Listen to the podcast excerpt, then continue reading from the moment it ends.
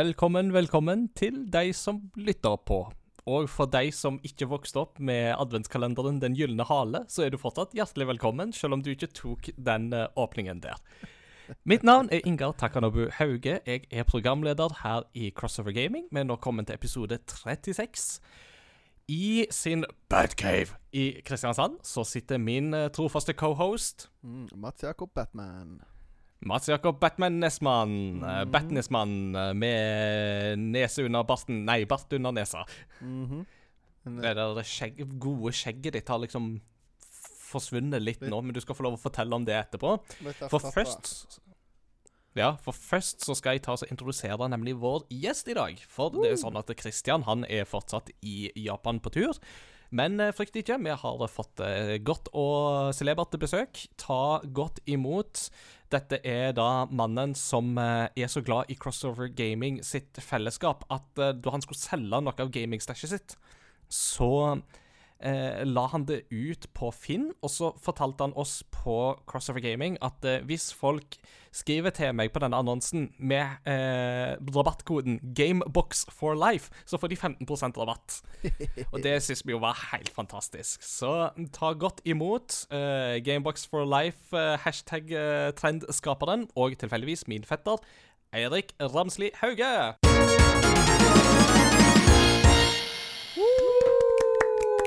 Takk, takk, takk. takk, takk. OK, Eirik, jeg kjenner deg veldig godt, for vi deler jo etternavn og delvis blod... Eller, ja eh, En god del av DNA og sånt òg. Men eh, du skal få lov å fortelle hvem du er eh, til lytterne. Ja. Eh, de fleste mennesker deler jo en veldig stor del av DNA, da, så det er jo ikke så eh, Nei, det, stort, det, det, egentlig. det er for så vidt sant. uh, ja, jeg er fysiker, og derfor kommer jeg med sånne nerdekommentarer som det der. Jeg eh, jobber som eh, administrasjonskonsulent for eh, en kristen ungdomsorganisasjon. Oi, det hørtes kjent ut. Ja, nesten som om vi har litt av de samme interessene og sånt òg. Jeg skulle nesten tro at det satt en annen administrasjonskonsulent for den kristne organisasjonen i denne podkasten og leda samtalen her nå. Ja, rart det der. Ja, det er rart, det der. Nei, altså, jeg er gift med Grete og glad i å game. Ja, velkommen skal du være. Det Vi setter veldig pris på å ha deg på besøk, og gleder oss til å høre mer om hva du har tenkt å dele. Um, før vi går i gang med det, liksom, dagens program og de liturgiske leddene, så kan jeg jo spørre om det er noen av dere som har opplevd noe spennende i sist? Noe gøyalt som dere har lyst til å dele med lytterne?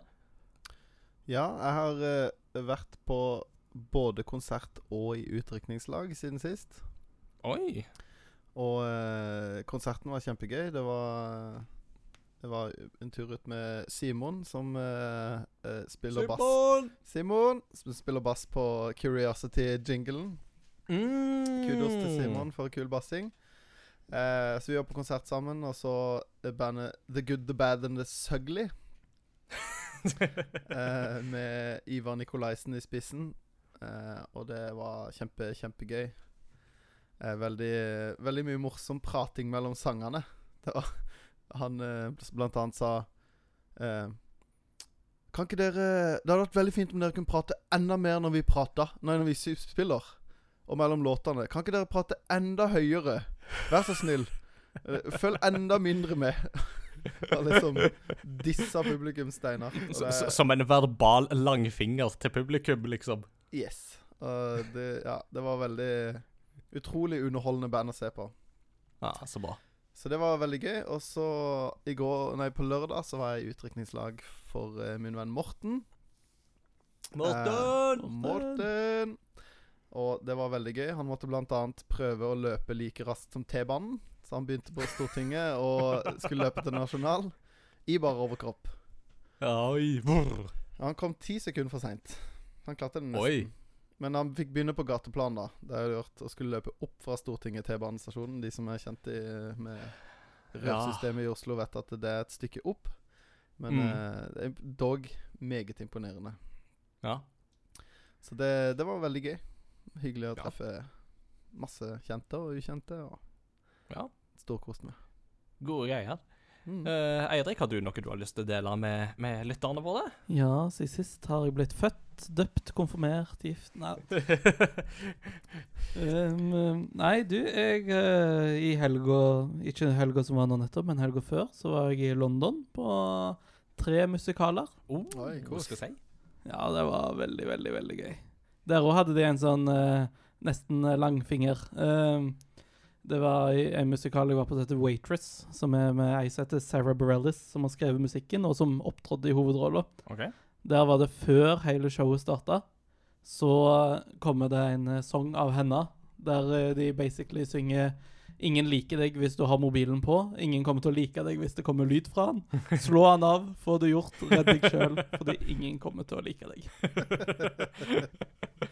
Deilig. Det minner meg om litt, det minner meg om litt sånn teologiske råd du får fra Shepherd Book i Firefly med If you take sexual advantage of her, you will go to a very special level of hell, a level they reserve for child molesters and people who talk at the theater. Yes. The special hell.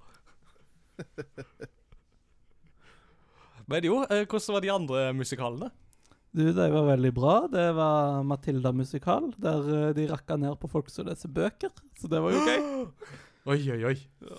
Eh, og så var det Prinsen av Egypt. En dysleksivennlig musikal. Jeg liker det. Ja. Og, og så var det Prinsen av Egypt, sa du? ja, stemmer. Ja. Og hvordan var den i forhold til Den var den dårligste av de tre. Uff da. Levde ikke opp til verken filmen han er basert på, eller historien som den filmen igjen er basert på. Hæ, er det kommet en bok av Prinsen av Egypt? Helt sant. Verste jeg har hørt. Ja, ring legen. Ja, ja. Nei, øh, og Men så har du jo òg i dag, så sent som i dag, så har du jo gått eh, litt sånn gøyalt innkjøp av litt uh, ny hardware. Ja, det er sant. Uh, I dag uh, fikk jeg med meg min eh, trofaste fetter Ingar. Inga! Ingar!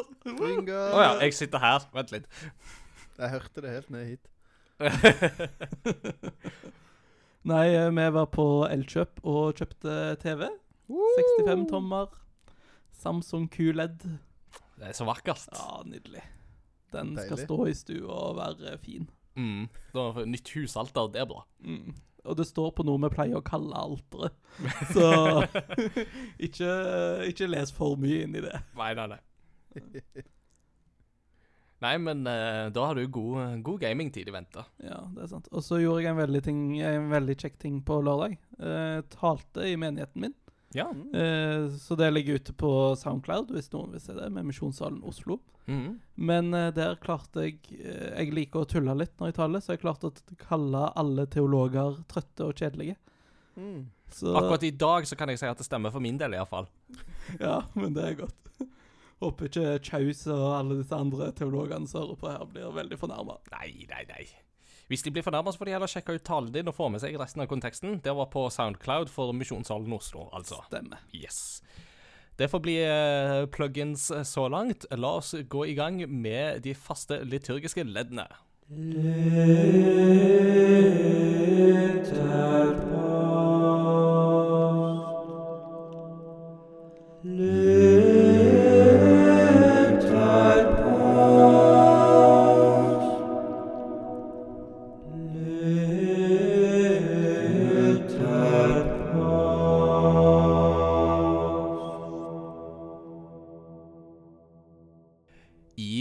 lytterpostspalten så skal vi høre ifra våre lyttere, der vi har stilt de et spørsmål, og så svarer de på det.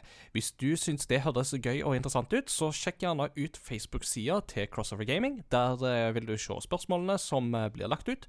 Og der finner du òg andre typer ting, som f.eks. hvis jeg skriver en anmeldelse eller artikkel for Game Reactor, så legger jeg gjerne ut ei lenke der òg.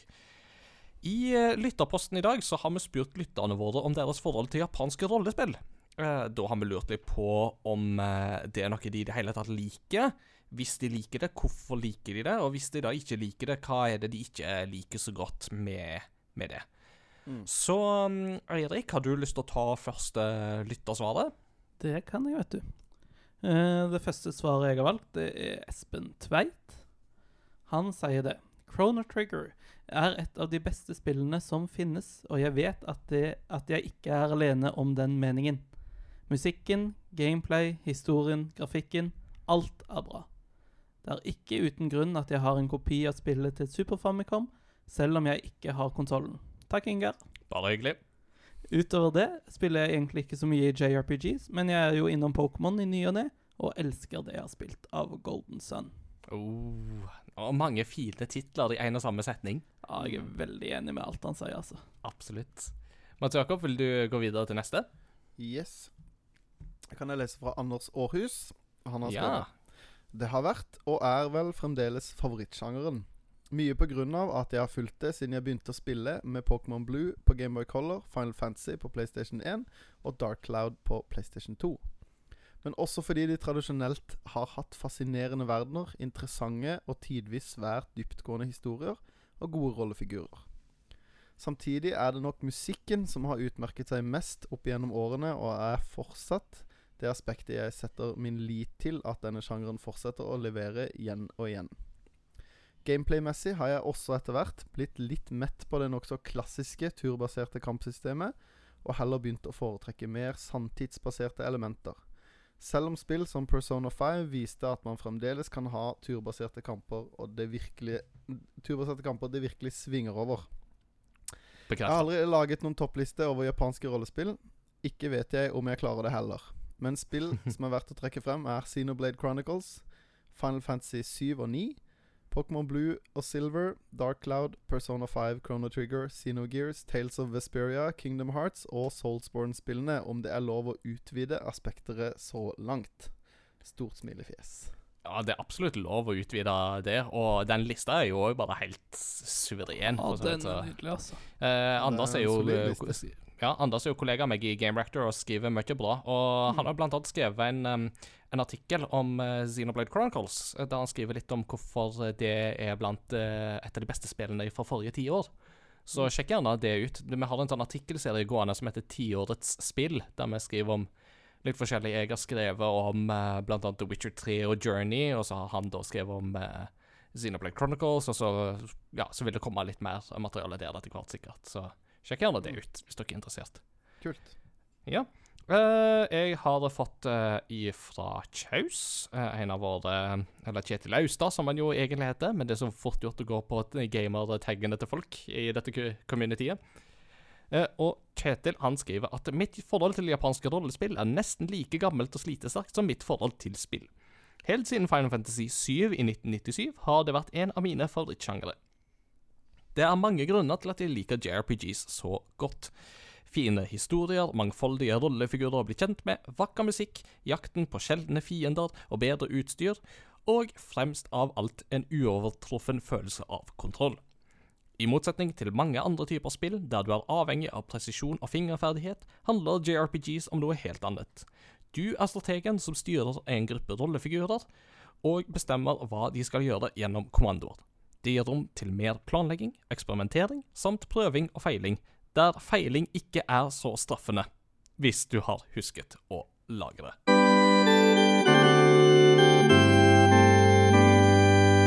Ja, kjempe, kjempemessig svar der, altså. Det er Veldig gøy.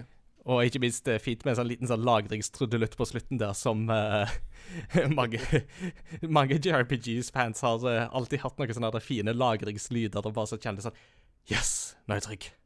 Mm. Vil du eh, peise, pø, pøs, peise på med neste, Eirik? Jeg kan Mm. både pøse og peise. Um, jeg har gått for uh, Torstein eh, oh, Rødsokk. Rødsokk, tror jeg. Ja. Rødsokk. Uh, mest fordi dette her var så veldig gjenkjennelig. Ah, Uh, da jeg var en liten gutt, så hadde storebroren min installert Setsnes på PC-en med hundrevis av Super Nintendo-roms, så jeg ville veldig ofte bare prøve helt tilfeldige spill på listen, og mest av det var JRPGs. Jeg spilte Breath of Fire, Lufia, Terangima, Secret of Mana, Seiken Densetsu 3 og alle mulige Final Fantasy-spill. Jeg kom aldri veldig langt i noen av spillene, men jeg ble likevel hooked. Men det er to spill som uten tvil satte mest inntrykk og har fortsatt til, dag, til i dag to av mine yndlingsspill. Og det er Final Fantasy 9 og Chrono Trigger. De var de første spillene som faktisk viste meg at et spill kan ha en utrolig dyp og meningsfull story, samt en gameplay som er interessant og gripende. fantastisk. Det er masse, masse bra der. Gøy at han nevner sånn som Terranigma og sånt, eksempel. Det er jo sånne skjulte Super Nintendo-klassikere som er litt mer sånn tro, det det er sånn, de, de som er veldig glad i de, er veldig glad i de, men det er ikke så mange som har hørt om de, for Mm. Jeg må teste det. Eh, det, jeg har en japansk utgave tilgjengelig, i alle fall, hvis du er villig til å bryne deg på det. Veldig glad i japanske RPG, men jeg er ikke veldig glad i japanske japanske RPG. Det er vanskelig. Forstår det den som kan, hæ? Ja, det er veldig tungt. Er, er det på tide med Åsmunds hjørne, Mats Jakob? Det høres veldig ut som det er tid for Åsmunds hjørne. Åsmund Mm. Åsmund! Eh, Solsvik skriver Har spilt veldig lite ekte JRPG som Final Fantasy og Persona. Men en av mine favorittserier kommer fra Japan, og som er RPG, er Dark Souls. Siden denne serien har RPG-elementer og er laget i Japan, sniker jeg meg til å inkludere den under JRPG. Blunkefjes. Ja, men det er jo Anders har gjort det før deg allerede i dag, og eh, jeg vil jo si at det er jo absolutt en naturlig videreføring av JRPG som, Mm. som sjanger. Uh, selv om mange kanskje ikke tenker på det som nettopp det, så vil jeg absolutt si at de elementene er til stede der. Eh, så, så jeg syns at Dark Souls er innafor. Det som å Dark Souls er sånn sadomasochistisk uh, JRPG. Må vi kunne kalle det. Det er litt som eh, Jeg tror mange forbinder JRPG med litt det samme som jeg gjør. Eller jeg opplever det at eh, man tenker at et JRPG eh, er en egen sjanger som er litt mer sånn anime-RPG, og ikke bare Mm. et japansk rollespill. Men at det liksom må være jenter i korte skjørt og langt blått hår for at det skal være en JRPG. Eh, men det er jo ikke tilfellet. Eller at det skal være veldig sånn japansk, da. Med litt Nei. sånn Det er sant. Eh, sånn at uh, J Jeg syns jo ikke at det Ja, jeg er enig med Mm. det. det Ja å kalle det for en JRPG er ikke en stretch i Nei. min bok. Ja. Nei, hadde det kommet eh, Dark Souls Onepiece Edition, så hadde det gjort noe tvil om at det var JRPG. Mm. ja, det er bare liksom hvilket strøk med maling det har, da. Ja. Mm. Uh, men altså, det er jo sånn altså, Pokémon òg er jo et sånt spill som man ikke nødvendigvis i utgangspunktet tenker på når man snakker om JRPGs, men det er jo japanske rollespill, det òg. Mm. Absolutt. Mm, mm. Mm. Eh, det er jo bare noe med at settinga er jo, var veldig annerledes for sin tid da de første Pokémon-spillene kom ut. Mm. Ja, ja.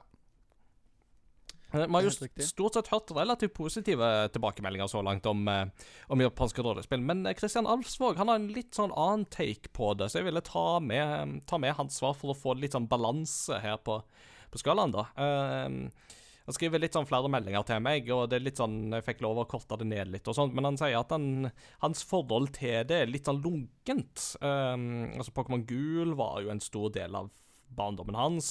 Han har liksom ikke blitt fengt av sjangeren siden.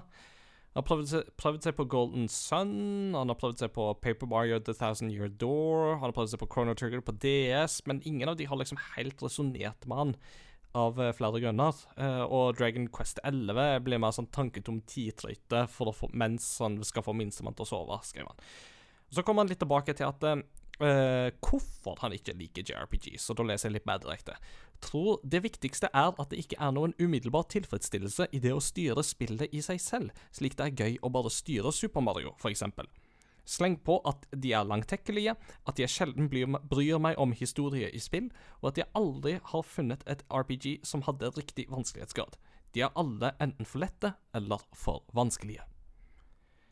Så ja, og, altså, og det er jo et issue som mange har. ikke sant? Særlig det med pacing og lengde på spillene og sånt, er jo absolutt noe som så- som mange har et issue med, da, med japanske rollespill, vet jeg jo. Uh, og det, det kan man jo forstå hvis det de har spilt, er Final Fantasy 13, uh, for eksempel. Så, Mm. så, så, så, så er jo det litt sånn tungt og keitete. Uh, så ja. Mm. Mm. Men samtidig så Det er jo morsomt at han sier For, for jeg er jo veldig glad i JRPGs. Mm. Og veldig glad i historie. Ikke alltid så opptatt av gameplay, f.eks. Mm. Uh, og jeg har på en måte samme forholdet til plattformspill, da. Å ja! Mm. Kult. Så jeg har jo ikke spilt uh, Donkey Kong eh, 64, for eksempel. Eller andre Donkey Kong-spill, for den del. Og Donkey Kong som er så bra. Ja, jeg vet. Og aldri helt liksom catcha Super Mario, og ikke Shovel Knight, Hollow Knight, Ducktales, Castlevania, Megaman. Alle disse her har liksom aldri helt fenga meg, da. Mm. Så Hmm. Et eller annet sted i oppveksten vår så gjorde jeg noe feil, tydeligvis. ja, Jeg var jo i Mongolia store deler av tida, så Ja, sant nok. Så- så- Sånn er det. Sånn er det. Uh, det var for lytterne våre, men hvis vi skal snakke om våre egne erfaringer, da eh, Eirik, altså, du har jo allerede tisa det lite grann. Uh, er det noe mm. mer du vil legge til nå i denne omgang, eller er det mest at du vil du spare dette seinere, eller? Nei, jeg kan jo ta litt sånn Altså, da jeg var sju-ish, så var jo mine tanker om meg sjøl var Eller om generelt tilstedeværelse var Hvorfor vil noen sitte inne når du kan være ute og ha det gøy? Og så Jeg bodde i Mongolia på denne tida, for jeg er misjonærbarn, jeg òg, sånn som deg. Eh, og så var det noen av vennene mine som var i Norge på ferie og spilte Pokémon. Og kom tilbake og fortalte om Pokémon. Og så ønska jeg meg Pokémon-filmen til jul. Og resultatet er jo en uh, særdeles nerdete gamer, som dere ser her i dag. Ja, som alle lyttere ser. Ja, Mm. alle ser. Mm. De ser han for sitt indre øye, det er jeg helt sikker på. Uh, ja, Og så hadde jeg òg en bror med Setsnes. Spilte mye Ja. det.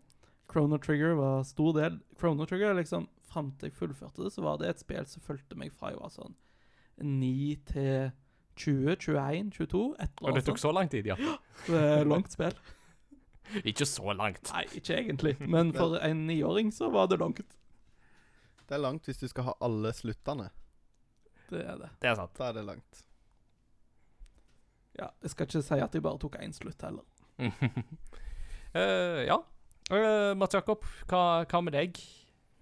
Nei, jeg har, det har alltid vært en sjanger jeg er veldig glad i.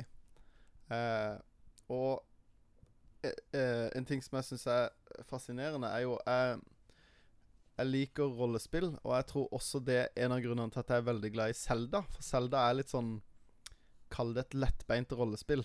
Det er jo Mm. et eh, Det er jo et eh, Det er jo et rollespill med veldig lite valg.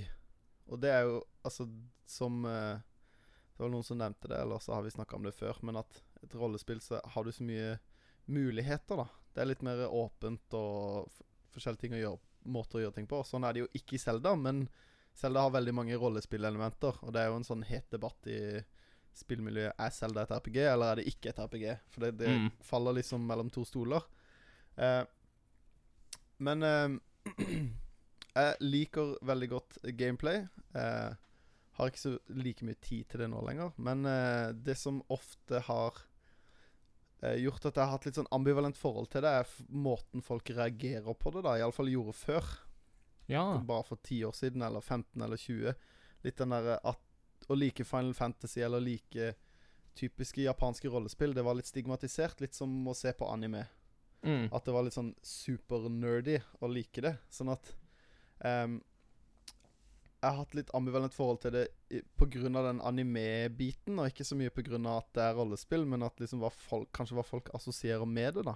Litt sånn Å, du Eh. liker lettkle- lettkledde, blåhåra jenter med store pupper? Ja. Litt den som alle som liker TV-spill eller anime, har fått. Mm. Ser jeg for meg alle har blitt dømt på det, da.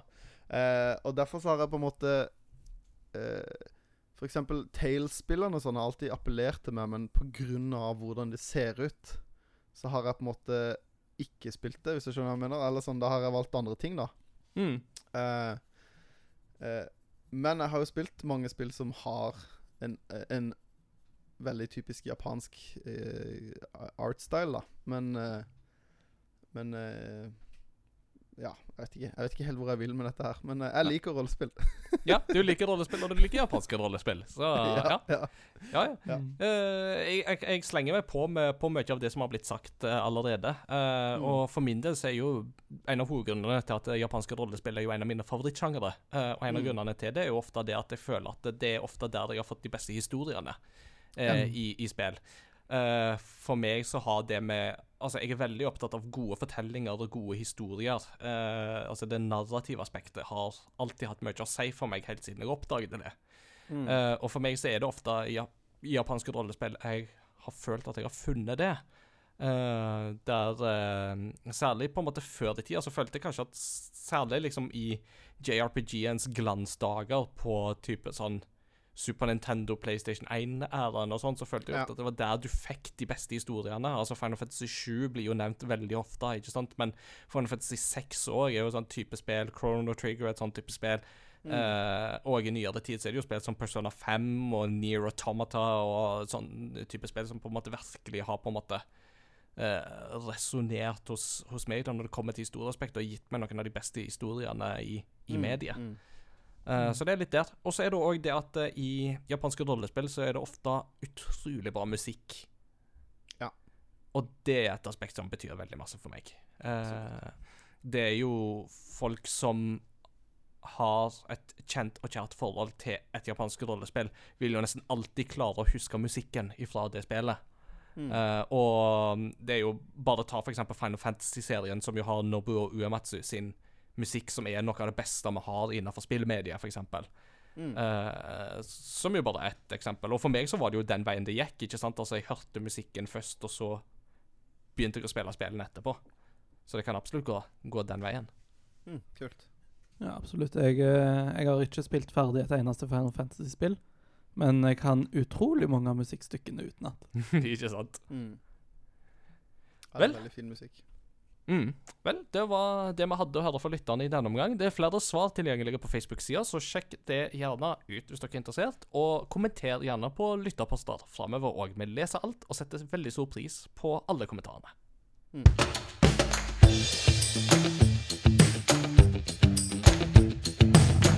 What you been playing lately? What you been playing lately? What you been playing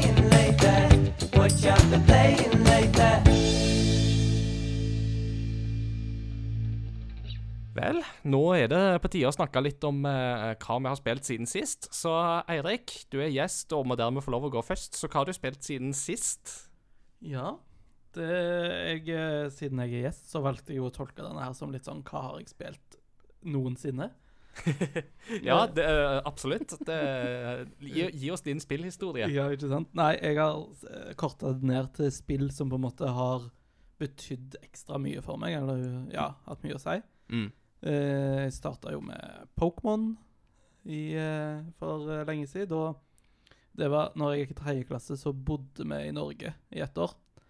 Eh, og da hadde naboen min hadde Pokémon Stadium på Nintendo 64. Han hadde Pokémon på Gameboy. Det var jo her jeg ble introdusert for Zelda, Green of Time, eh, Mm. GTA, Heroes of Might and Magic 2 og 3, Mm. Age of Empires. eh, For ei liste. ja, hva mer spilte vi? Ja, vi spilte mye forskjellig godt, altså. Og for naboer er det her som bare hadde Ikke én sånn bommerkjøp. Det var liksom ikke e- ett Fifa-spill eller e- en eller annen sånn ræva bilspill. Det høres ut som det bare har vært en smørbrødliste av en oppvekst. Ja, men du, dette her var Vi bodde rett Eller disse her bodde på en gård. Og der eh, hadde de et stort spillrom, så vi satt der og spilte. Og når vi måtte ut, så gikk vi jo bare på jorden og lekte og hadde det kjempegøy og gjorde masse forskjellig. Mm, kult. Men der eh, møtte jeg disse spillene, da, og Selda spesielt satte seg jo godt hos meg. Mm. Uh, ble stor fan av Zelda-serien, for mye av det du påpekte tidligere, Mats Jakob, det er jo Mm. bare nydelige spill. Eh, og min favoritt der er jo Windwaker, fordi det er bare Det er fint fra ende til annen. Rett og slett. Mm. Mhm. Em, og så har jeg gått over til andre spill som uh, Etter det så var det at jeg gikk over til Elder Scrolls-serien. Oppdaget Oblivion en gang i tida. Og bare oh. Hvis dere ikke har spilt Oblivion, få tak i det. Installer mods og spill gjennom uh, eh, Dark Brotherhood og Thieves Guild Quest-linene. Ah. Resten av spillet er vel verdt det, men uh, fytti, det er så bra.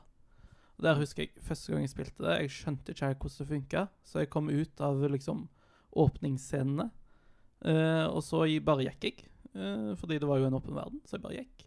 Og det første jeg møtte på, var en landsby der alle var usynlige, og så måtte jeg gå og finne en trollmann og snakke med han, og fikk valget mellom å prøve å overtale han eller slåss med han. Og for eh, 11-12 år gamle Eirik, så var jo dette her en helt ny verden, altså. Mm. Mm. Og så etter det så har det blitt mye Mountain Blade Warband. Det er kjempefint. Ri rundt, beseire fiender. Der samler du deg en hær, og så slåss du som én person i hæren din. Så på et verdenskart så er du bare deg, og så rir du rundt og hjelper nasjoner og hjelper landsbyer og sånt. Og så i slåsskamp så styrer du hæren din, men du er én person. Var det Mountain Blade? Altså Mount and Blade? Ja, du, Mount ja. and Blade. Ikke Mountain Dew, liksom. nei, ikke Mountain Dew, Mount and Blade. Det jeg trodde? Mountain Blade. ja. Høres ut som en sånn ekstremsport noen bare fant på. mountain blading? Are you into mountain blading? Yeah, Er det ikke det it's som really er awesome. snowboard, da? Jo. At du står på et blade Ja, og særlig i Breath of the Wild, der er det jo mountain shielding. Ikke sant? Ja, ikke eh, minst. Liksom skjold. Eh, men jo, Mount and Blade det er jo en serie vi knapt har streifa innom her i podkasten. Men Mm. uh, det- to av den kom ut i år, gjør det ikke? Eller oh, det er iallfall ja. planen at det skal komme ut i år. Mountain Blade Bannerlord har endelig fått release date i mars 2020. Etter, Oi, det er ikke lenge til! Nei, etter 12 Nei, eh, si 2012. Da ble det annonsert. Så i åtte år har vi venta. Det er lenge. Ja, det Det er nesten lenge. like lenge som eh, Final Fantasy versus 13-fansen måtte vente på at det spillet kom ut. Oh, yes. Eller Duke. Nukem Forever. Eller Shenmue 3. Ja. Eller vi som venter på mer Firefly. Eller, og, og ikke, og vi må ikke åpne den. Vi eh, snakket om Firefly i siste episode òg, og det gjør fortsatt vondt når eh, jeg tenker på, at den, på den seriens skjebne, altså. Ja, uff. Ja. Det er tragisk. Det, det, det er som noen um, Jeg så et sånt fint bilde en gang fra en sånn videostore i USA, der det var sånn uh, De ansatte anbefaler. Og Da var det noen som hadde satt opp Firefly, og så var det da en sånn note med Firefly is the kind of show that makes you question the big th things in life, as in How does, did this show only get 13 episodes while the Kardashians keep getting money thrown after them year after year? Og det er Det, det er verdig og rett. Det er virkelig et av de Ja. store spørsmålene. Amen. Amen. Så eh, Men jo. ja. Ja, eh, og så oppdaget jeg Dungeons and Dragons for eh, to år siden. Uh. Bikka den eh, nerde hva kan man si, skalaen og endte opp med Dungeons and Dragons. Nice. Og jeg bare elsker det. Nå senest i dag så avtalte jeg og spillgruppa mi at vi en gang skal gå full ut med at alle velger Bard, som da er liksom sangeren i DND, Ja. eh, og kjøre musikalepisode. Og så skal vi bare tillate alle sånne rare regler og alt mulig som du finner rart på nettet. Så skal vi bare gjøre det så sært som mulig. Å, fantastisk. Ja, det er gode venner, altså. Jeg spilte jo Bard eh, da Min første DND-character var jo en Bard. Og, og hovedårsaken til at jeg valgte han, for at jeg kjørte som pre-made eh, characters siden det var mm. første gang. Og årsaken til at jeg valgte Barton, var jo rett og slett at hans flaw var 'You're a sucker for a pretty face'. Og det var bare sånn Yes! Den, den kan jeg ha det så mye gøy med. Og det hadde du. Ja. Good Ja, times. det er bra. Så jeg prøvde jo å skrive vakre ballader til alle de vakre rollefigurene vi møtte på. Hvis de var pene, så var jeg liksom med på alt. Hvis de ikke var pene, så var det bare sånn eh, I don't care. Mm. Så han var en ekstremt overfladisk uh, skald. Uh, men så var jeg òg veldig dyktig på det som heter vicious mockery. Som jo er en sånn rolle, um, en sånn rollefigurevne som bards har. Så jeg kunne basically mobba mine fiender til døde. Og jeg gjorde det én gang, i alle fall. Vet jeg at det var én gang at det traff, og det var rett og slett det hitpointet som skulle til for at uh, goblinen, eller hva det var, døde. Deilig. Det er veldig fint i det spillet jeg spiller nå. Nå kommer det noe som Espen eh, Tveit Espen! kommer til å få vite, som ikke resten av gruppa får vite, men det har jeg tro på at han kommer bare til å like. Det er at en av karakterene mine sist vi spilte, han var han er jo en sucker for a pretty face. Så han ble jo da selvsagt forført. Det han ikke vet, er at dette her bare er en drage i forkledning. Som de en eller annen gang kommer til å måtte dra for å drepe. Og da kommer de til å oppdage at Å nei, vent, denne dragen har et egg. Og så skal jeg sette dem på en virkelig moralsk uh, okay. Få dem til å stille spørsmål ved Kan vi virkelig drepe en drage som har fått et egg Mm. etter å ha forført en av spillerne? Og det er sånne ting du bare ender opp med i Dungeons and Dragons, altså. Donkey. Yeah. Sånn Shrek eh, blir sammen med dragen. og- Jo. Oh, you're a girl dragon! Well, of course you're a girl dragon! Åh, det er en fin film. Uh, Mm. nei. Uh, hadde du noe mer du hadde spilt siden sist, som du ville Ja, nå tar de kjapt. Uh, I går prøvde jeg et spill som heter Odd Realm. OK. Som er en Dwarf Fortress-klone med bedre UI.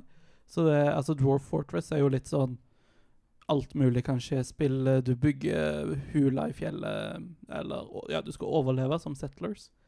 Eh, og der er det ASCII Art, som liksom er grafikken. Det er gammelt, utvikla av en fyr. Mm. Uh, så Odd Realm bruker veldig mye av det samme, bare gjør det litt lettere og litt finere. Ja. Veldig gøy de få timene jeg har spilt. Og i dag måtte jeg jo teste ny TV, så da ble det litt Pokémon Sword og litt Assassin, Assassin's Creed. Odyssey! Oh yeah! Odyssey. Tenk Tenk at den kom inn. Det er det verste jeg har vært med på. Sava Christian! Jeg må si det, Mats Jakob, som fast Mm. i denne podkasten, så føler jeg egentlig i det siste at det er du som snakker mest om dette spillet. Jeg syns det er veldig gøy å snakke om det spillet, ja. Mest bare fordi jeg var så, jeg var så utrolig lei av at Christian snakka om det. Det var bare sånn Hva har du spilt i det siste? Jeg har spilt uh, Assassin's Creed Odyssey. Og så bare Å, nei, jeg, jeg var ferdig, men så var jeg ikke ferdig. Og så var det 20 timer til. Så bare Det var liksom beating a dead horse. Det bare ga seg aldri. Hørte du dette, Kristian? nå, nå er det bare Nå, nå er det blitt en greie. Det Ja. Ja. Så jeg, jeg, egentlig så burde vi jo bare hatt inn en sånn vignett hver gang Assassin's Creed Odyssey skal bli nevnt, og bare spille Let's do the Odyssey fra Super Mario. Bare klippe inn Christian som sier Assassin's Creed Odyssey. Ja. Som, What you been playing lately? Assassin's Creed Odyssey. What you been playing lately? Skal jeg, skal jeg pine meg gjøre? Do it. Make it so. Ja, eh, done. It shall be done. This is the way. Mm. Nei, um, takk uh, til deg. Ja, Eh, det var alt. var en god, god liste, det. Um, Jeg har spilt et par, et par ting siden sist. Nå er det jo ikke mer enn ei uke siden forrige episode, så da har det ikke blitt like masse tid som, som det ofte blir. Eh, Men jeg har rukket et par spill siden den gang. Um, jeg har blant annet anmeldt et um, indiespill for Game Rector som heter Luna The Shadow Dust. Mm. Som er et uh, pek-og-klikk-puzzle-spill, uh, todimensjonalt, der du spiller en gutt og en, en kattelignende skapning. Mm. Eh, der uh, gutten i starten av spillet detter ned fra himmelen i litt sånn uh, Castle in the Sky-stil. Og så må du inn i et tårn, og så må en klatre gradvis opp i det tårnet og løse puzzles og komme nærmere inn i på en måte historien og fortida og litt sånne ting. Og hele spillet Mm. foregår på en non-verbal måte. Det er ingen skrevne ord eller noe sånt i spillet. Så selv i menyene og sånt, så er det på en måte ingenting som står skrevet. Alt er bare symboler. Mm, Så du må faktisk tolke alt som spillet prøver å formidle deg. Mm. Um, det er en veldig unik artstyle. Uh, veldig unik grafisk stil, og det var litt det som gjorde at jeg bare sånn Ja, OK, jeg kan prøve meg på dette. Um, det, det ser liksom litt ut som sånne gamle eventyrbøker, og litt sånn gammel sånn uh, Ja, altså ser litt ut som sånne illustrasjoner fra sånne eventyrbøker fra sånn type sånn 1800-1900-tallet, den type stil. Uh, jeg Mm. Jeg, jeg, jeg fikk litt sånn assosiasjoner òg da jeg anmeldte det til den gamle klassiske animasjonsfilmen som heter The Snowman fra 1982. Jeg vet ikke om dere kjenner Ja. til den? Ja, eh, Mats Jakob kjenner til den. Ja. Eh, litt den artstylen der fikk jeg òg litt assosiasjoner til. Så det er liksom litt det du får uh, i spillet, da. Og det er, alt er på en måte håndlaga animasjoner. Det er et lite studio på fire stykk, så det er ganske, ganske imponerende arbeid sånn sett, da. Det er det. Tøft. Eh, ulempen med spillet er at eh, det er veldig ujevne eh, gåter, og det har egentlig ikke sånn veldig masse nye ting å komme med liksom i det store og det hele. Det er litt sånn Du, du har på en måte spilt dette litt før, føler du. Mm. Mm. Um, og gåtene kan gå ifra å være banale til å, å være veldig sånn Hvordan OK, jeg klarte dette, men hva var logikken her, egentlig? Hvordan Mm. skjedde det? Så det var litt sånn det, det var helt greit, men ikke så mye mer enn det. Eh, det- men, men absolutt, altså Spiller du det, så tror jeg at det, det vil være en god opplevelse. Det, det vil det absolutt være. Det Mm. tror jeg. Um, men eh, et annet spill som jeg òg har brukt eh, tid på, som jeg liker enda bedre um, Det har jeg ikke blitt ferdig med, men um, det er da et spill som har den fancy tittelen VA11-halv-A. eller Valhalla, om du vil. Uh, og Valhalla har da den klingende under Uh, Eller den definerer seg som et cyberpunk bartender action. Som har liksom tagline i tittelen. Litt sånn som uh, altså Hvis du ser Metal Gear Solid-logoen, så er jo det alltid Tactical stealth action øverst over logoen, ikke sant? Og der har du da i Valhalla-logoen òg, så står det bare Cyberpunk Bartender Action. Med veldig sånn Metal Gear Solid-aktig stil. Den velkjente sjangeren. Ja, velkjente sjangeren, ikke sant? uh, eh, Valhalla er ganske enkelt og greit en visual novel der du jobber som en bartender i en cyberpunk-by i år 27, uh, 2070X. Jeg liker å tro at det er år 2077, og at det er Cyberpunk 2077, rett og slett. Uh, og spillet handler basically om at du jobber i en bar. Du mikser drinker til kundene, og du prater med dem. Det er egentlig alt spillet går ut på. Uh, og spillmekanikkdelen her er egentlig bare at uh, OK, du bestilte den drinken. Hva komponenter er det jeg må mikse i den drinken der? Og så må du legge det sammen, og så riste det eller blende det, og så servere det til dem.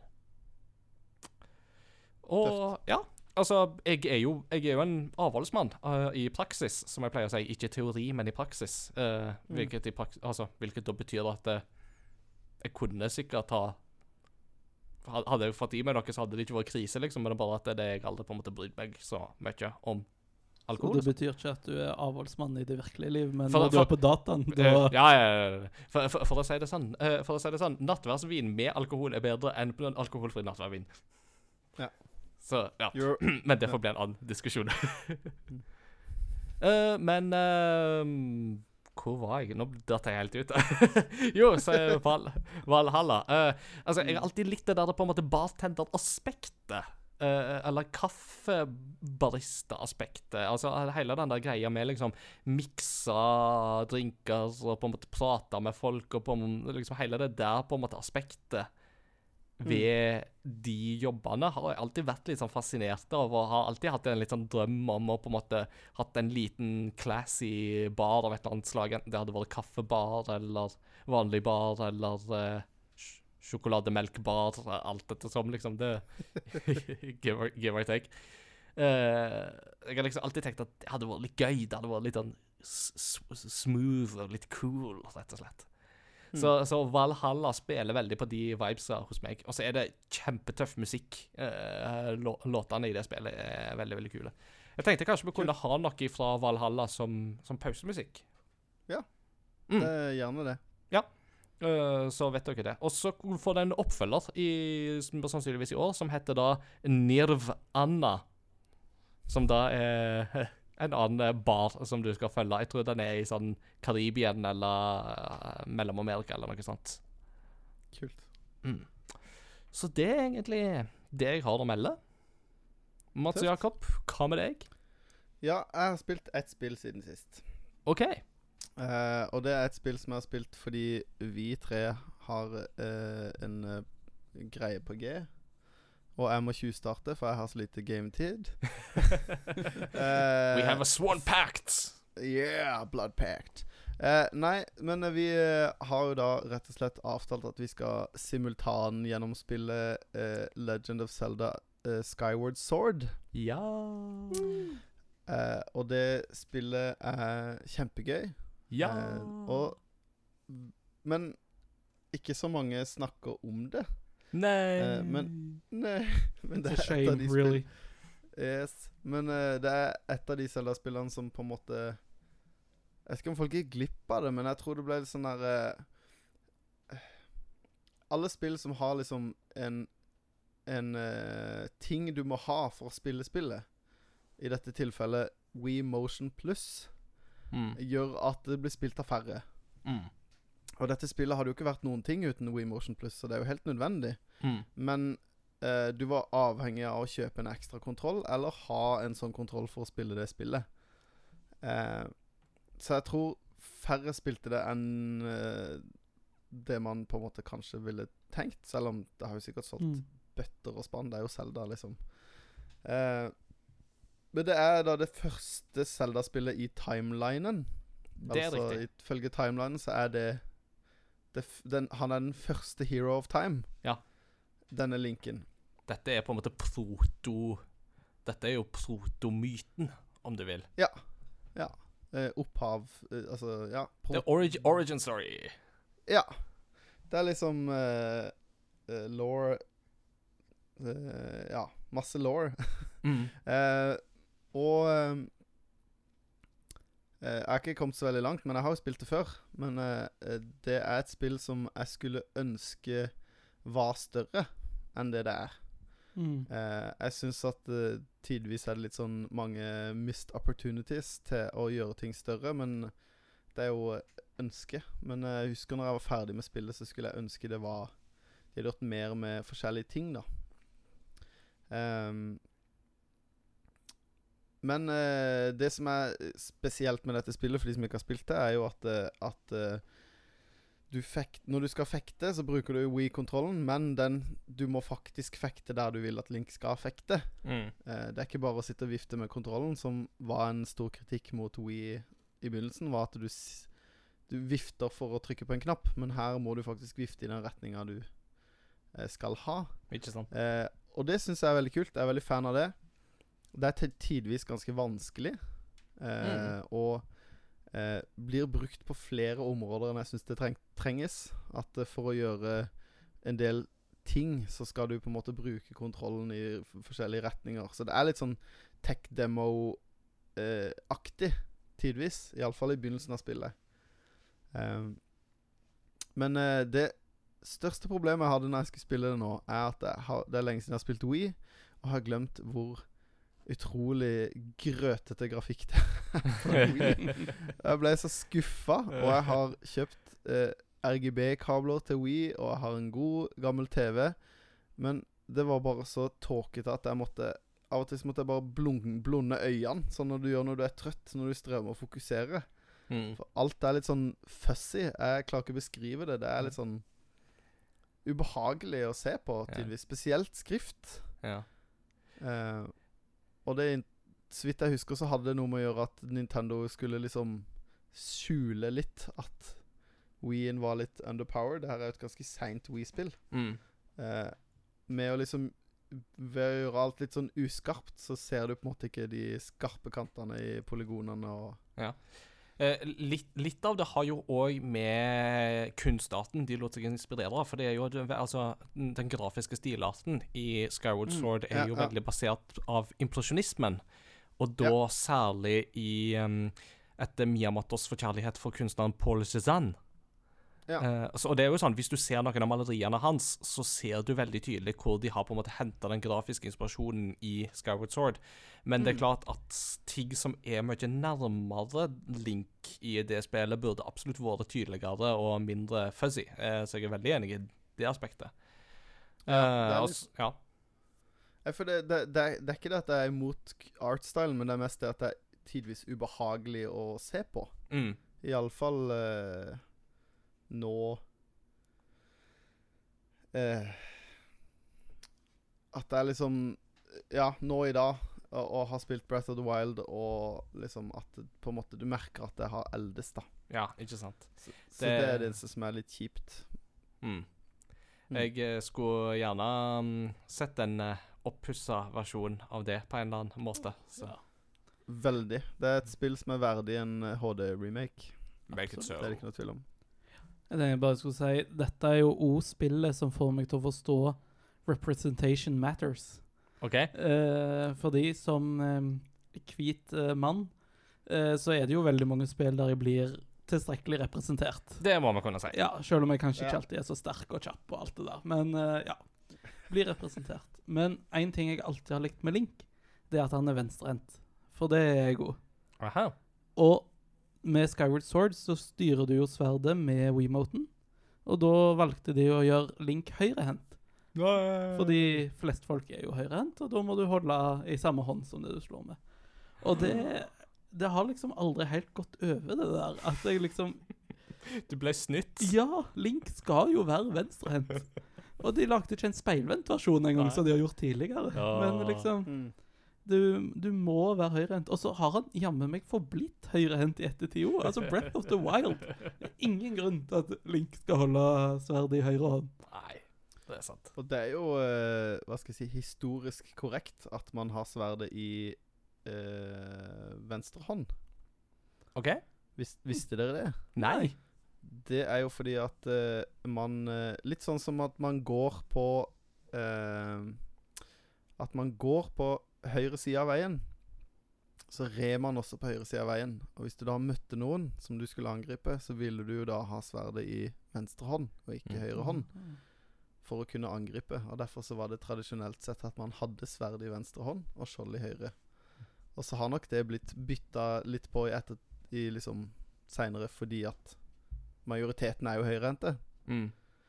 Eh, Ja, og i Japan så er det jo samme argumentet fra samurai-tida, og sånt, bare at der er det jo venstrekjøring i dag. eh, som er jo da Mm, at, mm. med klassiske venstresider, for at eh, da trekker du sverdet med høyre hånd. Ja. Så eh, I forhold til det med Zelda og Skyward Sword, så tenkte jeg jo òg på det at eh, når jeg skal begynne å spille det, så er jeg ennå ikke helt på en måte landa på hvordan jeg vil få best oppløsning med å spille det. Men jeg tenkte å kanskje bryne meg på å kjøre det via Wii U. mm. Eh, og se hvordan det blir. Og så Ja, hvis ikke så har jeg en retro-TV som Ja. kan gjøre susen. Jeg, for jeg tror liksom Altså, jeg er jo pro uh, CRT-TV til, til den Til riktig konsoll, men Mm. uh, akkurat i det spillet, så, eller med Wii-en, så av en eller annen grunn så ser det bare helt sånn fussy ut på Det ser ut som det har et sånn Instagram-filter Ja. på til enhver tid. Eh, så jeg tror nok man har bedre eh, For jeg googla det litt, og da var det folk litt sånn Ja, bruk komponentkabler og ditten og datten, og det var litt eldre innlegg. Eh, Så jeg tror nok at å spille det gjennom en Wii U og få det HDMI-signalet, da, Mm. gjør, gjør det Gjør det bedre. Jeg hadde jo jeg tror... ja, jeg hadde komponentkabler på Wii i sin tid, altså, det løfta jo Wii-en betraktelig. Ja. Nei, for jeg har jo kjøpt RGB-kabler, men skarte RGB. Men jeg tror faktisk det hadde vært bedre å kjøpe komponentkabler Mm. og spille det på en HDTV. Men vi får se. Mm. Eh, Hadde du noe mer du ville dele? Ja, um, vi, uh, Spørsmålet er jo nå om uh, For vi har jo skal jo spille dette her sammen. Yeah. Og snakka jo litt om å invitere folk med. Mm. Ja. Så spørsmålet er jo om vi skal snakke om hvor folk eventuelt kan engasjere seg. Om vi skal annonsere noe, eller om vi skal spare det. Det skal vi annonsere i kunngjøringer, som da kommer Oi. etter pausen. Men i pausen så skal vi òg da høre i et lite reisebrev fra Christian, som eh, har vært i Japan. Og, så nå får dere høre litt fra han, mens vi tar en pause.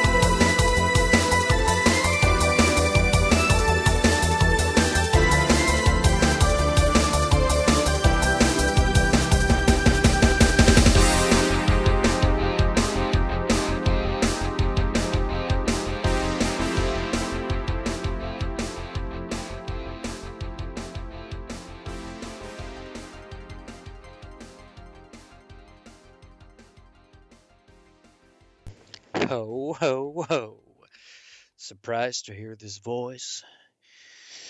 Dere trodde dere var kvitt meg, men jeg er tilbake.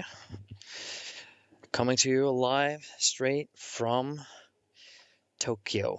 Ok, det der var fem-seks introduksjoner i én, og som sikkert blir satt midt i episoden. Eh, beklager det. Anyways, Christian her, live ifra Tokyo. Eh, akkurat nå prøver jeg å finne meg en eller annen plass eh, i Tokyos gater her. Det er ganske seint. Hvor jeg kan stå og snakke inn i telefonen uten at det ser veldig mistenksomt ut. Det er noen som går forbi meg her nå og stirrer litt og lurer på hva er det han der holder på med.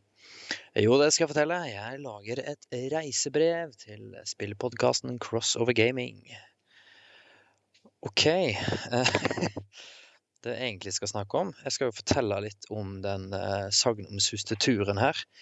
Eh, nå er det jo ganske lenge siden sist gang. Jeg skulle jo eh, sendt et reisebrev inn til forrige episode.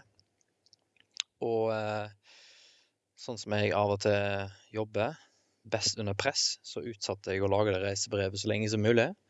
Til den dagen eh, episoden skulle spilles inn. Og da kom eh, omgangssyka. Ikke koronavirus, Ingar, men omgangssyka kom for fullt.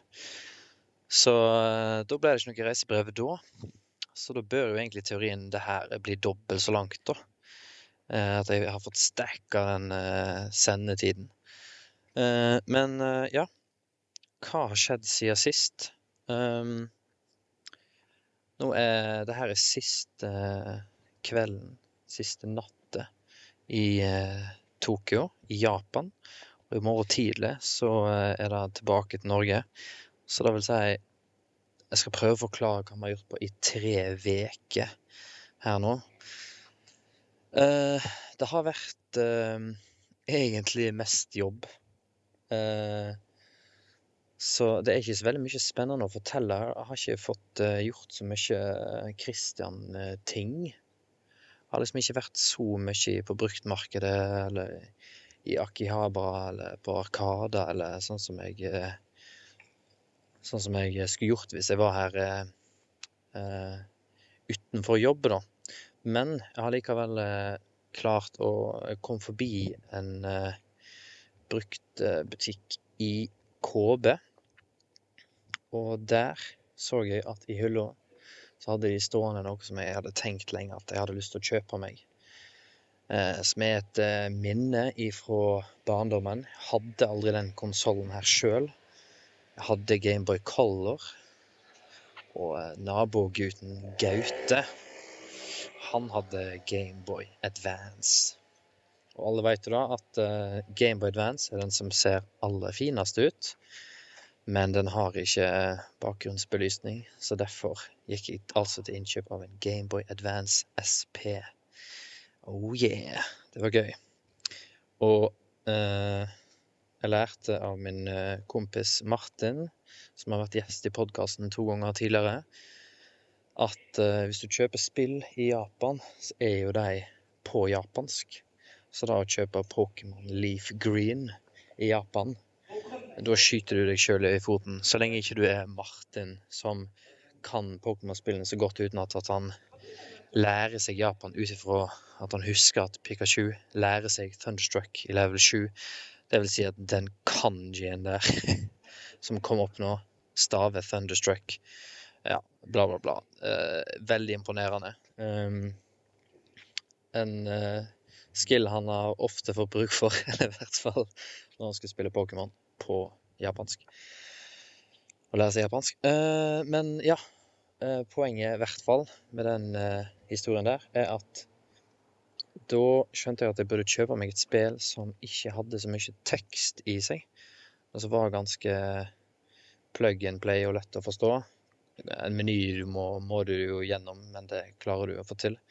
Så da gikk jeg faktisk til innkjøp av eh, Super Mario Bros 3.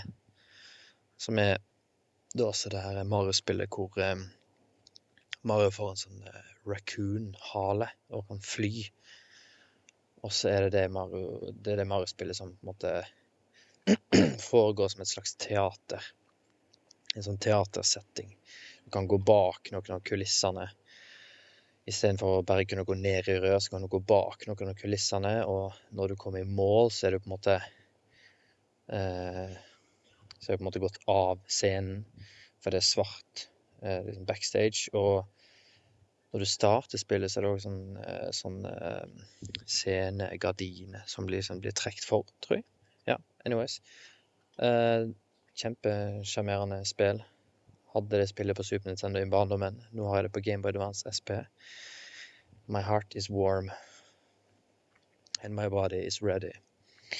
Eh, shit, altså. Jeg savner Savner podkastlivet. Det er en annenhver uke-boost eh, som, eh, som jeg gleder meg å komme, til å komme tilbake til. Um, anyways, jeg tenkte òg jeg kunne svare bitte litt her på disse lytterspørsmålene. Jeg gikk jo glipp av forrige ukes lytterspørsmål, som var eh, hva, hva du har lært av spill. Så jeg først kunne svare på det. Eh, og der var det en, nydelig historie som varmer hjertet mitt, som eh, legenden sjøl eh, eh, mister egen spalte snart. Åsmund Solsvik eh, nevnte det her med at både jeg og han bor på hver vår side av landet, men vi har på mange måter altså, holdt vennskapet ved like. Hadde vi nok gjort uansett, men å ha såpass jevnlig kontakt og prate jevnlig har nok vært boosta veldig av å ha et, eh, et online-spill som er Coop-basert, og som vi spiller sammen. For eh, jeg vet ikke hvordan det er med dere, men jeg opplever ofte at gutter, eller menn, kan ofte synes det er lettere å prate når man holder på med en aktivitet.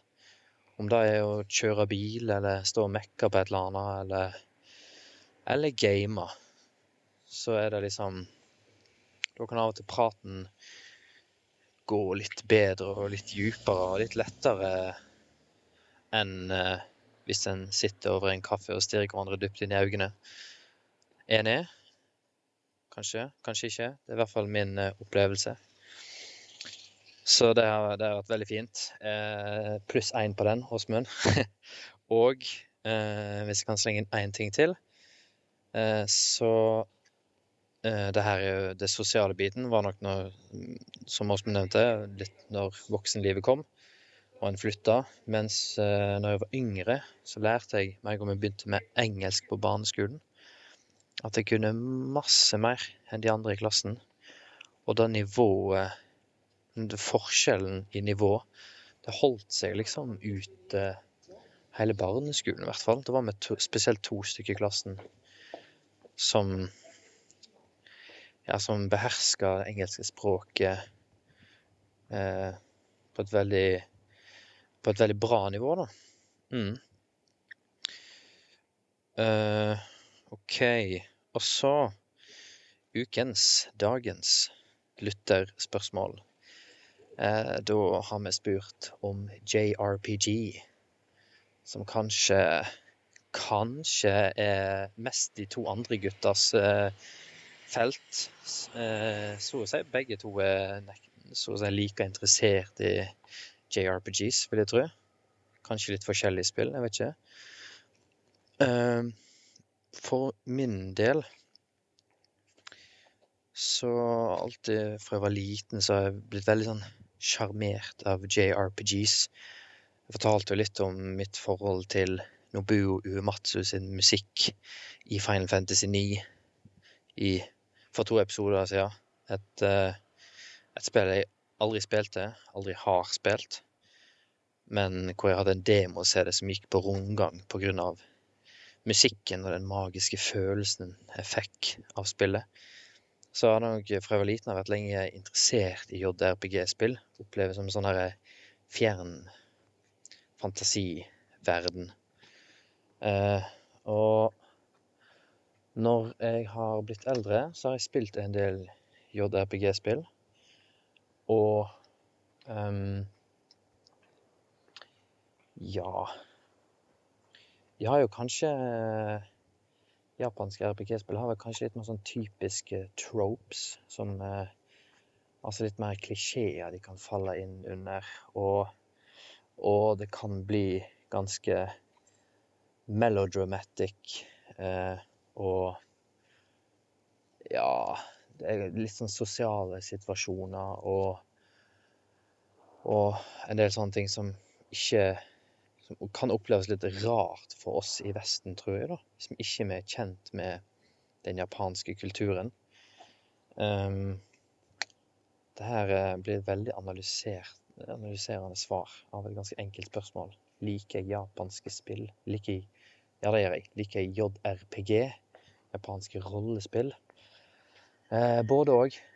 Har prøvd noen som ikke skjønte helt eh, gleden av, og det her er for masse tutorials og alt det der. Men har òg spilt spill som Nino Kuni 1 og 2, som er fantastiske spill. Eh, har nyter selvfølgelig eh, veldig mye Pokémon. Det har vi snakket om før.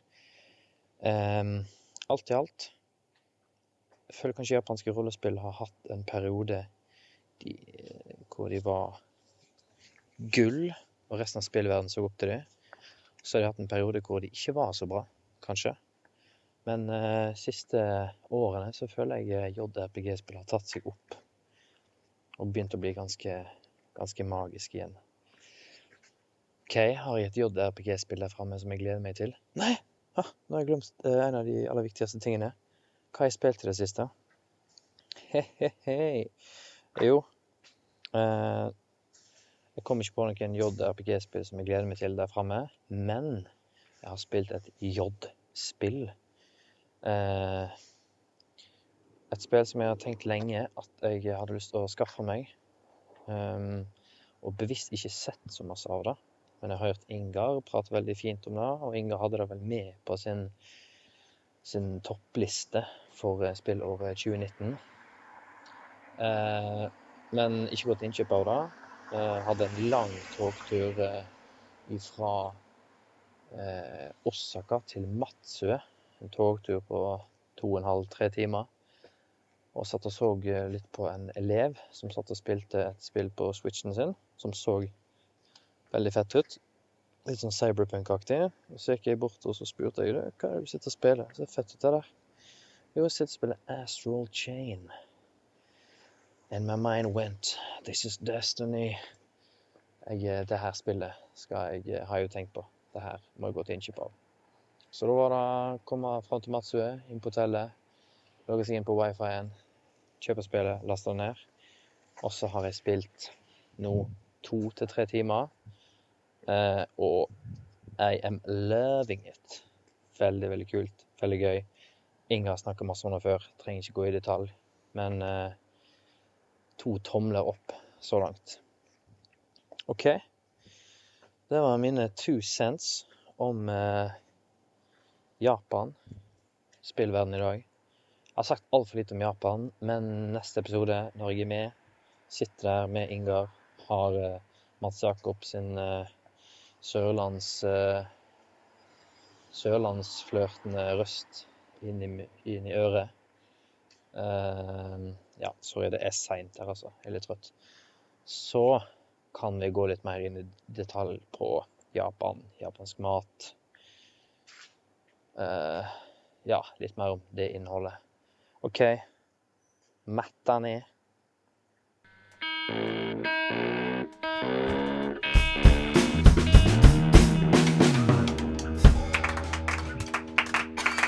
Ja. Eh, himmelsk lyd fra ungdommene. Eh, nå er det ukens kunngjøringer. Mange takk til Kristian for hans reisebrev fra Japan, og da er det på tide å gå i gang med kunngjøringer. Den første og viktigste kunngjøringen av alt er jo da noe som angår eh, hele Crossover Gaming-menigheten, eller communityet om du vil. Det er nemlig det at vi har nå fått oss en egen Crossover Gaming Discord-server.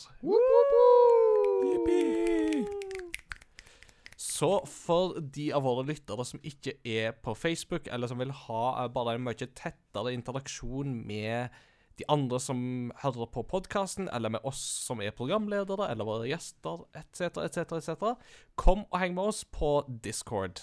Eh, og hvis du ikke har Facebook og lurer på hvor du kan finne en Discord-server, så skulle jeg egentlig hatt svaret til deg på det, men det har jeg dessverre ikke klart å finne ut av. Men det ligger i alle fall ei lenke eh, til Crossover Gaming sin Discord-server på vår Facebook-side. Mm. Så skal jeg prøve å finne alternative søkemetoder eh, til neste episode. Jeg lover. Mm. Vi skal òg ha litt andre kunngjøringer, eh, som vi tar litt kjapt. Eh, Først av alt, eh, Castlevania sesong 3 er bekrefta og kommer 5. mars. Det er ikke lenge til, og det ser iallfall jeg veldig fram til. Mm. Det gleder jeg meg skikkelig til. Mm. Rekker akkurat å se han før Mountain Blade Bannerlord kom ut, så det er perfekt. Perfekt timing, vet du. Det Kunne ikke blitt bedre. Helt med vilje. Ja, ja. ja. Um, in other news så skal Anthem uh, gå gjennom en skikkelig oppussing. Man snakker basically om en Anthem 2.0 her. Uh, Casey Hudson, lederen av uh, Bioware-teamet som har vært Som har utvikla Anthem, erkjenner jo det at det er mer enn nok å ta tak i i spillet, og har ikke vært på det ambisjonsnivået som de skulle ønske. Og vi vet jo ut ifra bakgrunnshistorier at Anthem-utviklinga var trøblete som en fy. Eh, og nå skal de da rett og slett gjøre eh, skikkelig real uh, gjennomgang av Anthem. Vi har ikke fått noen timeplan og kjøreplan på det, men uh, det vil i alle fall skje. Og da blir det jo spennende å se da om Anthem kan bli det spillet mange har sett for seg at det kunne bli, og har potensial til å være, eller om det er for seint. Ja. Det blir interessant. Så spillet de har måttet jobbe med i mange år, men scrappa og begynt på ny, tar de nå scrapper og begynner litt på ny? Ja, på en måte, men uh, saken med Anthem var jo det at de jobba jo ikke faktisk med det så veldig lenge. Uh, altså, det var en del konsepter som var på en måte kasta litt sånn ut i lufta og sånt, men saken var jo det at det, det tok veldig, veldig lang tid før de klarte å koke ned til Ja, men hva er det egentlig vi vil lage? Eh, og for de som ikke har lest uh, uh, Jason Schreier sin graveartikkel om Anthem på Kotaku, så anbefales det veldig, veldig varmt. Dette er jo Jason Schreier sitt spesialfelt, å gå inn i sånne trøblete utviklinger og sånt, og på en måte få kilder på å fortelle litt om forskjellige aspekter ved det. Så ja, det anbefales. Vi har snakket om det i podkasten tidligere, omtrent da Mm, Anthem mm. kom ut, så ja. Mm. Um, så skal vi over til en eh, siste liten sak. eh, for på E3-messen så har det vært sånn at eh, Jeff Keeley, mannen bak The Game Award, har jo vært en frontfigur i Eller har vært en tydelig prominent skikkelse på alle E3-messer helt siden E3 ble til i 1995. Men han har nå meldt at han kommer ikke til å stille på årets E3. Kanskje ikke da videre heller. Han oppgir ikke sånn veldig eksakte um, årsaker, men at eh, han annet snakker om at etere må bli mer relevant i en digital, globalisert hverdag, uten å gå mer spesifikt inn på eksakt hvordan det skal skje. Hmm.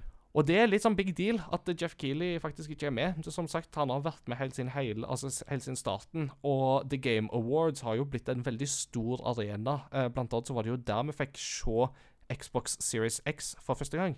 Mm. Så um, det er noen trender som er i ferd med å skifte nå, og som er litt sånn spennende å, å lukte litt på. Men hva tenker du her, Mats Jakob? Har du noen tanker på rundt det? Ja, nei, altså E3 er jo ikke det det en gang var, og har jo mista relevansen sin litt, syns iallfall jeg. Det er jo eh, Jeg syns jo E3 er veldig gøy, og sånn som det var for ti år siden, så var det jo liksom sto i kalenderen og benke seg ned og se, for du visste at det kom noe stort. Mm. Eh, og hvis de ikke de gjorde det, så var det som regel fordi at da var det et halvt år til en ny generasjon eller et eller annet sånt noe. Mm. Eh, men det har jo blitt mindre og mindre av det, og Nintendo har vel kanskje stått litt i bresjen for det, med directs istedenfor konferanser og Mm. Og jeg syns jo det er en bedre måte å formidle nyheter til publikum på, enn at det skal være en sånn en gang i året så kjører vi sånn eh, oppsamlingshit, men litt sånn holde de under et, et Samfunnet vårt krever kanskje mer at man blir holdt litt informert underveis, mer nå enn man gjorde før også. Um, Ja. Og E3 var jo en bransjegreie som er blitt en ikke-bransjegreie. Altså, de som bryr seg mest Mm. om det, er jo de som ikke er i bransjen, virker det som. Ehm, men sånn som Xboxen, da, den ble jo uh, Den ble jo annonsert under uh, E3, men under et annet navn. Sånn Det er det, sant. Det, det, det er jo ikke sånn at vi ikke hørte noe om det, men de sparte det til Game Awards. Men ja, det er Jeg syns det er bra at det er flere arenaer, for E3 har jo vært litt sånn Iallfall det jeg har lest og hørt og sett, er jo vært at det har vært dabba litt av. Og det er bra at de får litt konkurranser, så må de på en måte steppe opp gamet sitt lenger. For de har hatt et monopol på å være i Vesten, iallfall. På å være den Ja. store, liksom Det er der det skjer, da. Og i Japan Ja. så har de jo Space World, som Sony iallfall har annonsert litt ting på tidligere, men Mm. Absolutt.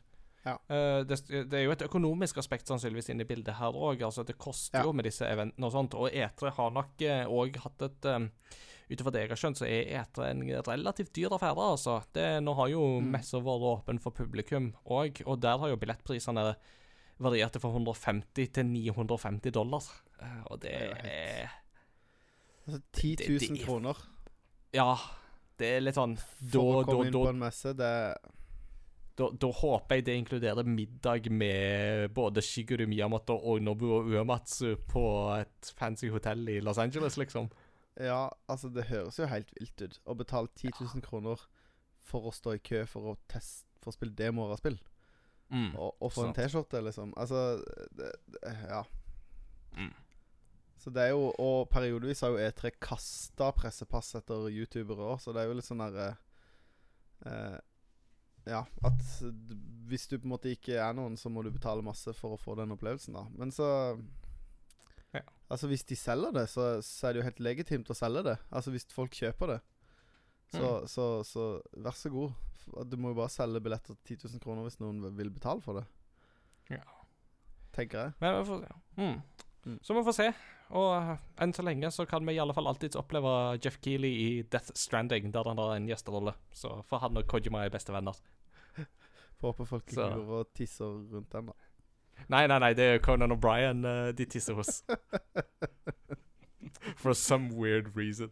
Sløve greier. Ja da.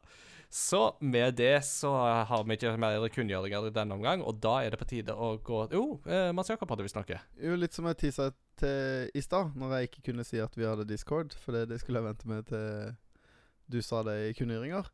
Ja. Eh, men eh, hvis det er noen som hører på, som også har lyst til å være med og spille gjennom Skyward Sword, ja, så kommer vi til å opprette noen saker der i forhold til det. det er riktig. Eh. Eh, vi skal opprette en tekstkanal, tenkte vi, som eh, Navnet er ikke helt spikra ennå, men eh, akkurat nå så lukter vi på navnet Retrospellauget. Mm. Eh, der vi, det blir omtrent som en sånn spillklubb, eller sånn bokklubb, der vi Mm. kommer sammen og utveksler erfaringer. Og der vet jeg at du, Eirik, som eh, moderator, eller diakon, som vi kaller det, eh, har noen planer. Ja, jeg har planer om at vi skal sette opp en plan for hele spillet. Mm. Eh, og så håper jeg å få til noe litt sånn kult, sånn at vi kan vise litt hvor langt vi har kommet i f.eks. hvor mange hjerter vi har samla, hvor mange andre ting vi har samla. Så kan vi litt oppdatere hverandre underveis, og så kan vi si Oi, shit, han der har funnet to hjerter mer enn meg. Hvordan har han klart det, eller et eller annet sånt. Mm. Ikke bruk guide folkens, til å finne alle hjertene, for da Da forsvinner litt av moroa. Ja. Men eh, Og så kan vi møtes og snakkes og ha det gøy. Mm. Og da er det jo gøy hvis vi får til en typ sånn Litt sånn hangout sånn som vi har nå. Dere som hører på, ser jo ikke det. Men jeg sitter jo og glor på disse to uh, fantastiske vestlendingene, og de glor på meg og barten min. Uh, så det er jo veldig hyggelig. Le moustache. Det er mustasje. Du ser ut som en uh, skalla Ron Swanson. Takk skal du ha. Veldig mye bedre bart enn jeg får til, så jeg er bare Ja, jeg Det bare- eh, verdsetter det jeg ser. Det er bare å spare. Mm. Så um, Discord blir et veldig bra sted å sjekke dette ut, folkens. Så kom gjerne og heng med oss uh, der. Mm. Mm. Bare husk å lese lover og regler før du begynner å bruke kanalen. Eller eh, de fem, de fem bud, som det heter så langt. Ja, det er bra. Eller er det seks bud? Jeg har glemt. Jeg har kommet ut av tellinga. Mm. Vel, eh, med det så er vi klare for å snakke litt om dagens tema. Og Eirik, det er jo, det er jo ikke bare ren nepotisme som er årsaken til at du er her. For det er jo sånn at eh, som eh, spiller så har du en eh, serie som du er ekstra glad i. Og den serien heter Dragon Quest. Ja. ja. Og det skal vi snakke om i dag. Dragon mm. Quest er da, for å gi en liten introduksjon eh, I Japan så er det jo sånn at det er én japansk rollespillserie som er større enn alle andre, og det er Dragon Quest. Mm. Selv Final Fantasy har ikke samme popularitet i Japan som det Dragon Quest har. Mm. Men bortsett fra det, Eirik, eh, så er det kanskje ikke så mange som vet hva Dragon Quest er. Så la oss begynne med hva er Dragon Quest? Ja. Eh, Dragon Quest det er jo en nydelig JRPG-serie. Uh, veldig sånn klassisk format. Eh, Du styrer typisk fire helter som går rundt, slåss mot monstre for å redde verden. Fra en eller annen stor trussel fra enten jordas indre eller verdensrommet eller et eller annet sånt. Fortid, framtid, sånne ting. Ja. Mm. Så det mm, Og så mm, er det jo noe med eh, Den er jo veldig sånn lett å kjenne igjen. Denne sti stilen i Dragon Quest er jo veldig lett å kjenne igjen. Ja, fordi det er han mannen bak Dragon Ball. Ja, eh, Akira Toriyama. Ja, han har utvikla den grafiske stilen til spillet, Mm. så du får veldig sånn eh, Dragon Quest eh, Nei, Dragon Ball-vibber Mm. av uh, grafikken. I tillegg så er det Yuji Hori som har vært produsent av alle spillene. Stemmer. Og så er det én person, som jeg heller ikke husker navnet på nå, som har vært eh, den som har lagd musikken til alle spillene. Ja, riktig. Og han har jo nådd en ganske respektabel alder nå. I alder av 88 år så er han fortsatt aktiv. Det passer Det er en bra arbeidsalder, altså. nå. Absolutt. Sin beste arbeidsalder, 88. ja. Det er godt han ikke er snekker. Ikke sant. Eh, jo, og altså det, det er jo veldig det, det du sier, ikke sant? Altså, Toriyama sin artstyle er jo Mm. veldig sånn ikonisk og lett å kjenne igjen. Og det er kanskje derfor også Drag uh, Dragon Quest er så populært i Japan, fordi at hans stil er veldig lett å kjenne. Og det er jo noen av disse monstrene som òg er litt sånn alle kan tegne. ja. Du har jo blant annet Slime, Mm. som er på en måte maskotten i spillet. Uh, og det er en veldig Det er et søtt lite monster. Det er blått. Første du møter, er som regel blått. Eh, og det ser ut som en løk eller en vanndråpe. Litt sånn, ja, Mm. løkforma, dråpeforma. Uh, og det som er så morsomt, det er at når han her uh, Toriyama. Toriyama uh, først skulle pitche ideer til Dragon Quest 1, så pitcha han dette slime-monsteret. Og Yuji Hori og de andre som lagde spillet, de ble bare så overraska over hvor enkelt og fint dette monsteret var. Mm. At det liksom var litt sånn Ja, dette, dette må vi få til. Ja. Mm. Stilig. I tillegg så er det jo masse andre kule monster, og du har eksempel de, de er alltid på en måte Du har serier av monster, så du har slime, og så kommer ski-slime, Mm. som er en oransje slime. Mm. Og så kommer heel slime, som er en blå slime med tentakler. Så har du mye sånt, og så har du andre morsomme Alltid mye morsomme ordspill. Ja. Jeg har alltid likt uh, For det er jo mye sånn palette swapping her inne i Mm. bildet, så jeg har alltid hatt litt sånn sansen for disse monstrene som da du først møter på, som heter Not So Macho, og så møter du senere på en palette swap-utgave som heter Mucho Macho. ja. Veldig. Og så har du òg Du har eksempel eh, mumier, er greia, så de heter mummies. Men de svakere variantene, de heter Mummyboy. Men Det eh, du har jo metal slime og king slime og alt mulig sånn. Det Ja. finnes jo mange varianter av slime, da. Mm. Og slime er jo Liquid slime og bubble slime og alt mulig slime. Men uh, det som er fascinerende, er jo at slime er jo, som du sier i- eh, Dragon Quest er jo den største rollespillserien i Japan. Men uh, slime er liksom overalt. Mm.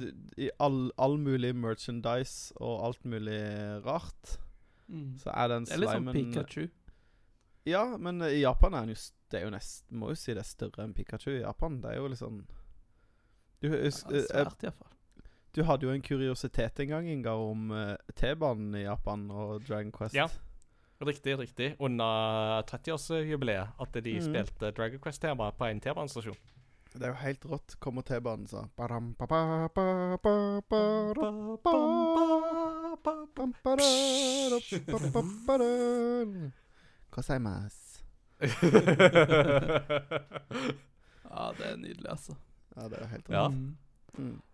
Eh, men uh, jo, hvis du skal liksom prøve å på en måte uh, forklare litt din pasjon eh, av Dragon Quest for lytterne. Hvorfor er Dragon Quest så bra? Hva er det som er så appellerende med, med denne spillserien? Ja, nei, eh, jeg har jo alltid vært glad i JRPGs. Mm. Starta med Chrono Trigger på Setsnes. Um, og så har jeg spilt litt andre ting, f.eks. Golden Sun og prøvd litt Bravely Default og litt forskjellig. Men så var det i eh, 2016 så kom, eh, eller så kom jeg over Dragon Quest 7 på 3DS. Og så begynte jeg å spille det, og så var det bare litt sånn Det var så kjent og kjært, hele greia. Og det Mm. var liksom Det var det jeg forventa at en JRPG skulle være. Samtidig så det hadde liksom morsomme twister utover i spillet. Og det går liksom igjen i alle spillene. Altså De helt første er jo på en måte hva kan si, grunnlaget for alle moderne JRPGs, i lag med f.eks. Final Fantasy 1 og disse andre Mm. store seriene. Eh, men etter hvert, både i toen og treen og fire, ja, utover, så har de alltid hatt liksom et nytt element inn, som kanskje bare er for det spillet, eller kanskje det blir. Men samtidig så har de liksom klart å holde det Det, det er veldig Du vet hva du får, samtidig så det er en eh, flavor på hver, da. Mm. Jeg tror jeg mener Eller jeg tror jeg opptil flere ganger har liksom formulert det omtrent litt sånn som at uh, Final Fantasy er en sånn rollespillserie som alltid prøver å pushe på en måte JRPG-sjangeren til det Mm. neste nivået. Uh, Mm. Og bare på en måte beholde noen sånne kjerneelementer Ja. det. Mens Dragon Quest er på en måte antitesen. Det er litt sånn motsatte. At Mm. uh, i Dragon Quest er det litt sånn Hvor hvor masse er det egentlig vi må forandre, eller hvor lite kan vi forandre uh, og bare beholde alt det andre? Eh, er, det, er det litt sånn Vil du si det er litt sånn presist, eller? Det er veldig presist. Altså, bare se på Dragon Quest 11, Mm. som kom ut nå for ikke så altfor lenge siden.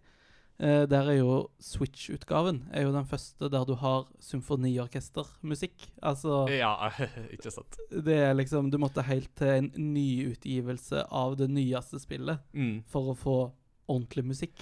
Ja, eh, og, og det skyldes jo blant annet litt fordi han komponisten, han 88-åringen som jeg jo dessverre ikke husker navnet på akkurat nå, men han er jo en litt sånn konservativ type på det der, så han har alltid vært litt sånn Nei, i spillene så skal musikken kun være midi, og for å få liksom skikkelig musikk så må de kjøpe på CD. Mm. Han litt sånn Han har alltid vært litt sånn traust type, han komponisten, og har jo dessverre òg litt sånn han har jo litt sånn koblinger til sånn eh, krigsforbrytelser, fornektelser og sånt for Japan under krigen, og litt, litt sånn uheldige standpunkter litt sånn her og der. dessverre. Men, eh, men det er jo en eh, sjarmerende musikk som på en måte fanger settingen han lager, eller eh, Mm. kombinerer i hvert fall. Det skal han ha. Absolutt. Ja. Og det er mye Der òg musikken er også litt sånn Det er et grunnleggende tema som går igjen i hvert spill.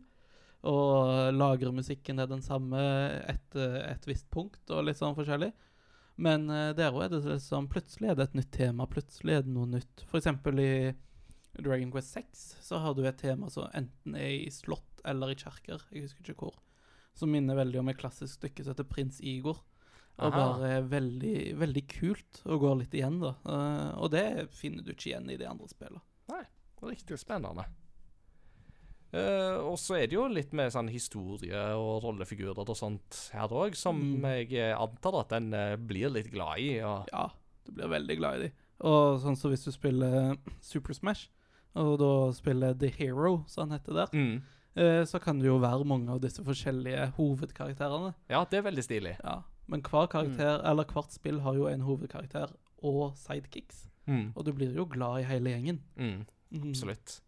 Jeg husker jo han Jeg, jeg liker så godt han du bruker i Super Smash Bros. For at uh, han, du må jo rett og slett bruke sånne menysystem fra Dragon Mm. Quest-spillene for å, å bruke han, inkludert dette noe magiske ordet omf. Ja. Omf er fint. Er magi på høyt nivå i spillet. Eller egentlig ikke så høyt nivå, men ja. Nei, ikke sant.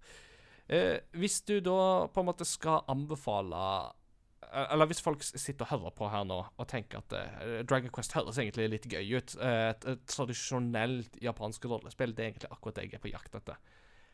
Hvor skal de begynne?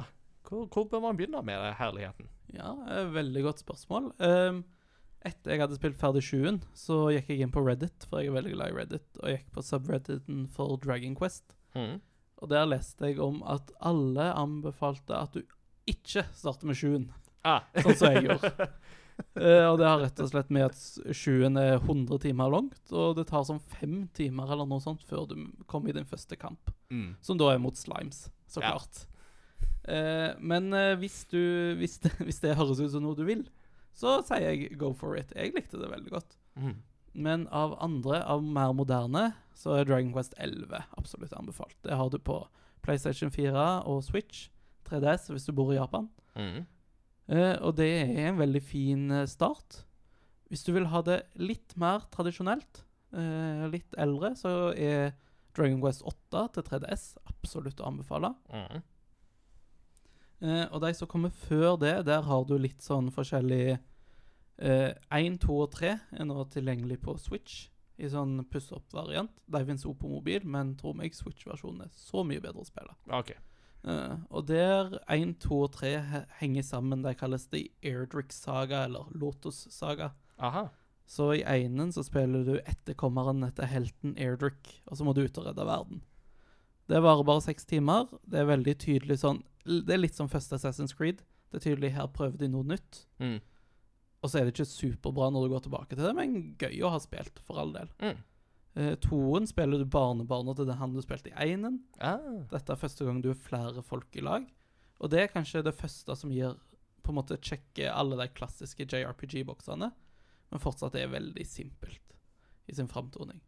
Og så kommer treen. Der, eh, der er det ingen legende før deg, merkelig nok. Det kan ha noe å si i historien. Hmm. Eh, der du eh, samler folk, og dette er første gang folk har forskjellige jobber, og du kan rekruttere folk med forskjellige jobber, og spille rundt 20 timer lang. Så det er en veldig fin plass å starte, hvis du vil det. Ja.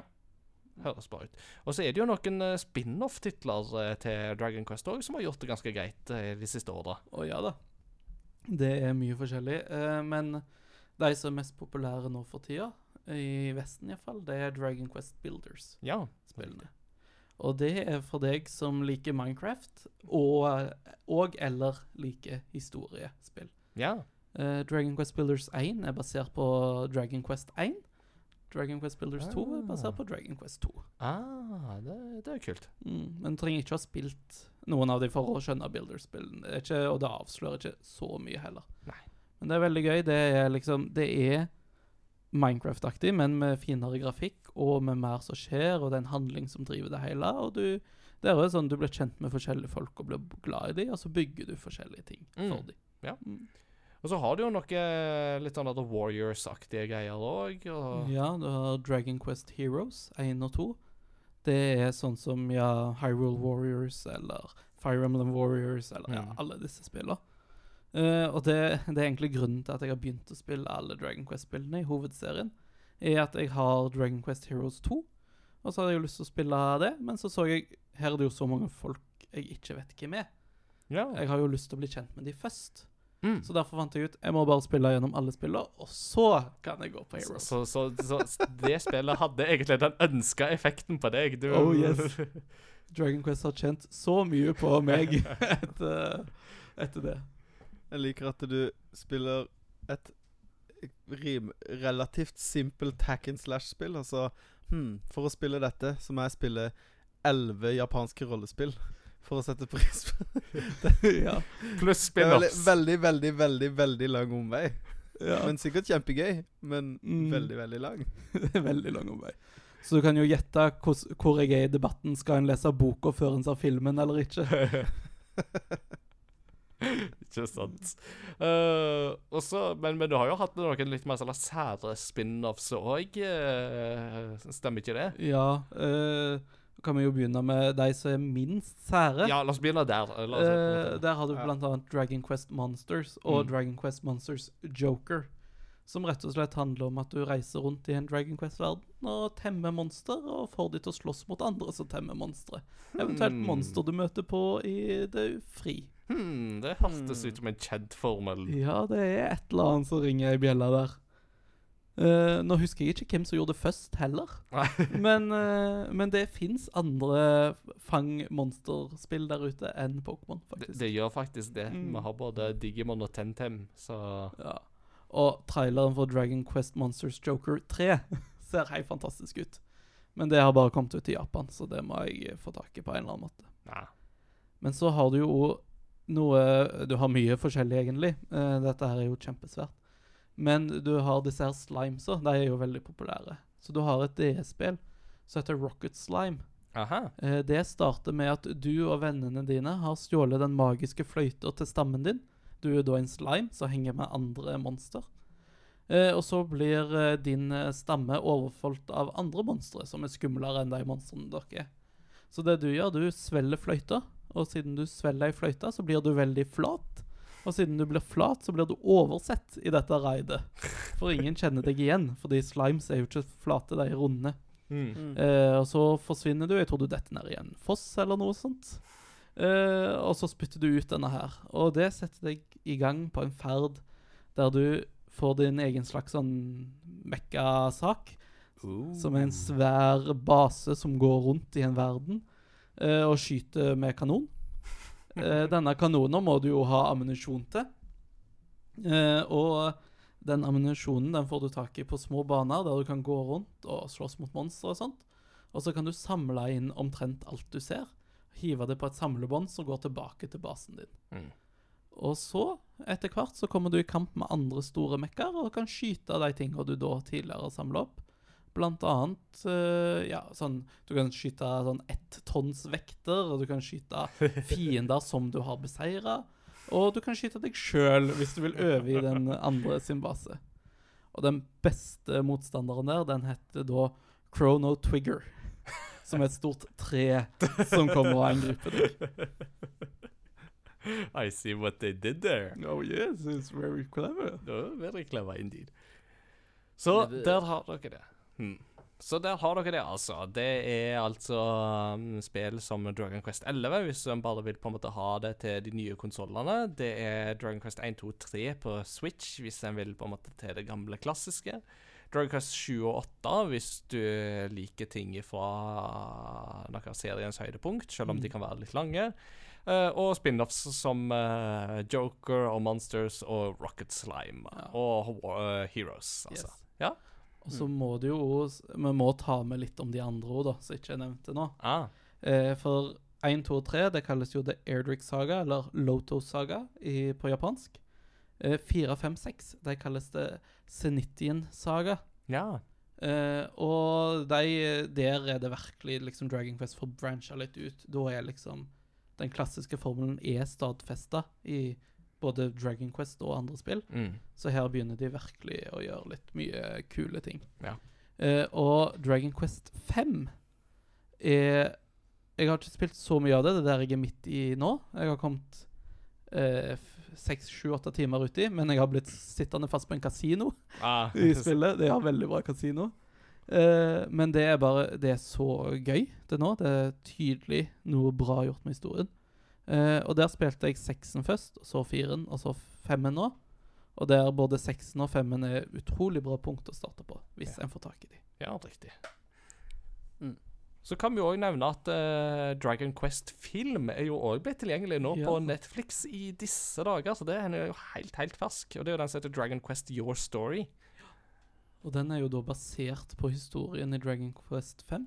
Mm. Og det ryktes i mine subreddit-miljøer at uh, den gjør en veldig god jobb. Det er en relativt bra film, uh, men spoiler femmen. Men ikke alle subplots. Altså, det er klart et spill på 30-40 timer kan jo ikke bli pressa inn i en halvannen times til to timers Mm. film. Men uh, det skal visst være en god film. Ja. Check it out hvis man er interessert. Men spill femmen først. Yes. Yes. Hvis du får tak i det og Ja. har lyst til alt det der. Det har jo jeg gjort, så da kan jo jeg se det. Ja. Ikke sant. ja, hvor var det du spilte Dragon Quest 5? På bryllupsreisa mi. Ja, det var på Mamma Mia-øya. Yes. Bare under et håndkle på en strand. Uh, Ikke til forkleinelse for kona mi, langt Nei, fra, nei, nei. Men uh, jeg er ikke så glad i å ligge på stranda. Nei, jeg, jeg har ganske lett for å bli brun. Uh, og når eh, Eller da jeg var konfirmant, så dro jeg med meg konfirmanttur til Italia. Og jeg er heller ikke så glad i å ligge på stranda, så jeg òg gjemte meg under et håndkle. Og jeg ble likevel den bruneste av oss alle. Det var så mange som så på meg med blikk som kunne drepe av de jentene som desperat prøvde å bli brune. Han nerden, han bryr seg ikke engang! Ja, Ja. Du skal jo være bleik! ja Wasta brunfarge. Sånn er det. Sånn er det. Don't hate the player. Det skal jo sies at når jeg begynte på Dragon Quest 5, det var når kona mi og jeg var nå i England. Og det er vår eh, siste tur før vi blir foreldre i april. Sånn liksom Mm. siste Nå er vi bare oss to. Lærer. Jo, takk, takk, takk, takk.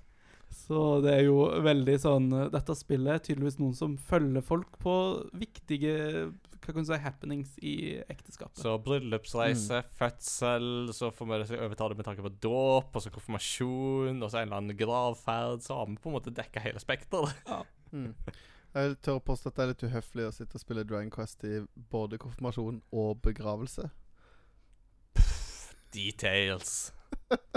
Sitter med første rad. Bli, bli, bli, bli, bli, bli. Vi sitter på første rad og Gamle. organister Gamle. Sitter på fest og rad har begravelse, og orgelet skal til å spille, og så hører du plutselig. Det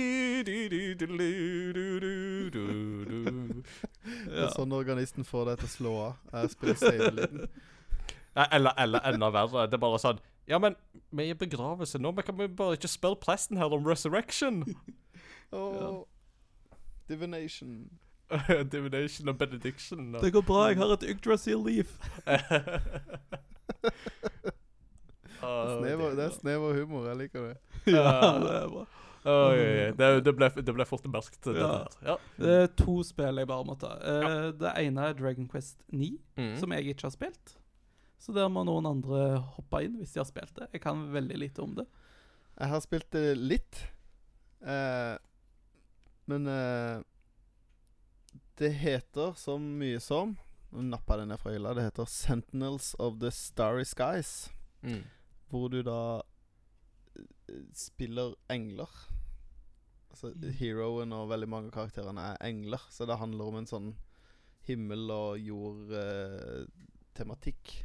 Det er lenge siden jeg har spilt det, og jeg har bare spilt noen timer. Jeg kom ikke så veldig langt i det. Men eh, det har en del multiplayer-aspekter som jeg tror var veldig gøy når det kom.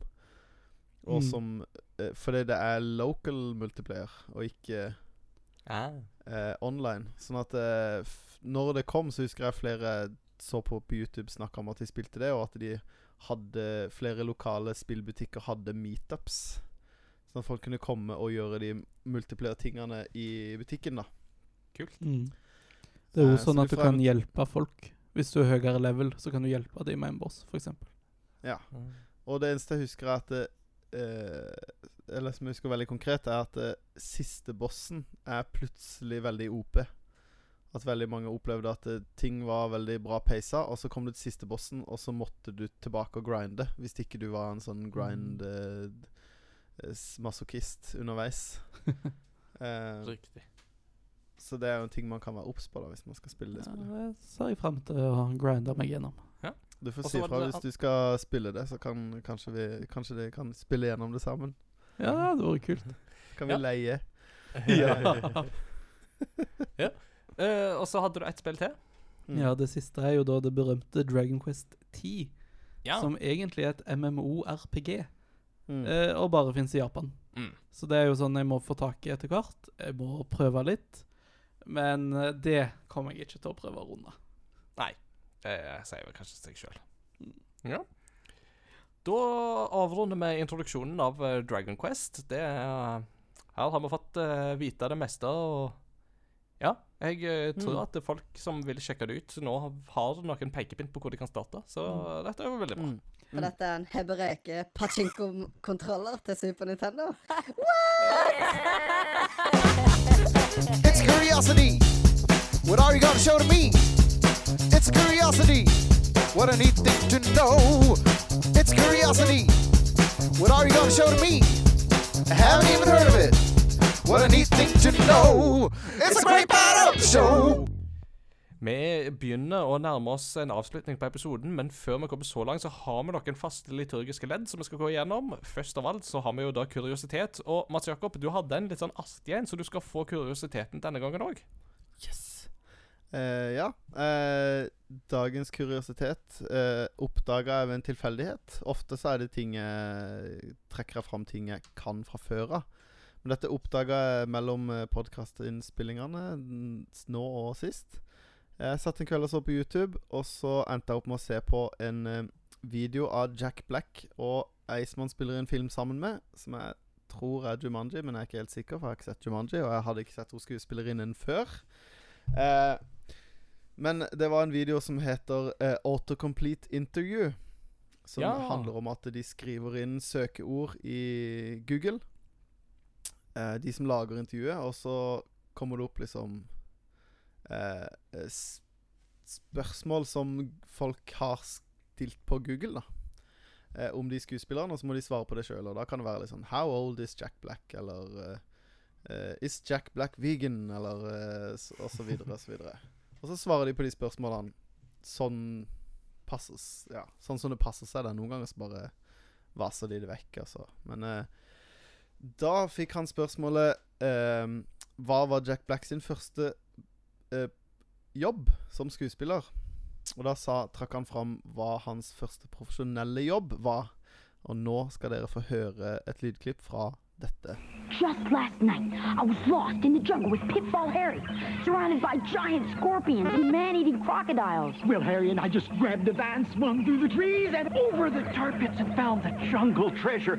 It was really neat. If you haven't met Pitfall Harry, you're missing the year's most incredible video game adventure. Pitfall for the Atari 2600 and in television. Since I met Pitfall Harry, no other man will do. Pitfall, designed by David Crane for Activision. Det var- Han er ikke gamle karen der, tror jeg. Nei, det er en veldig ung Jack Black. Det her er fra tidlig 80-tallet. Men det er veldig lett å se at det er han, hvis du ser på videoen. Mm. Ja, hvis du, hvis du vet at det er han, ja. Men jeg har jo sett den reklamen uten å se at det var han, før uh, Jeg hadde sett reklamen før. Mm. Uh, og det som er eh, interessant å legge merke til her, da, er jo uh, at på slutten av videoen så annonserer de hvem som har lagd spillet. Ja. Altså ikke firmaet, men personen. Mm.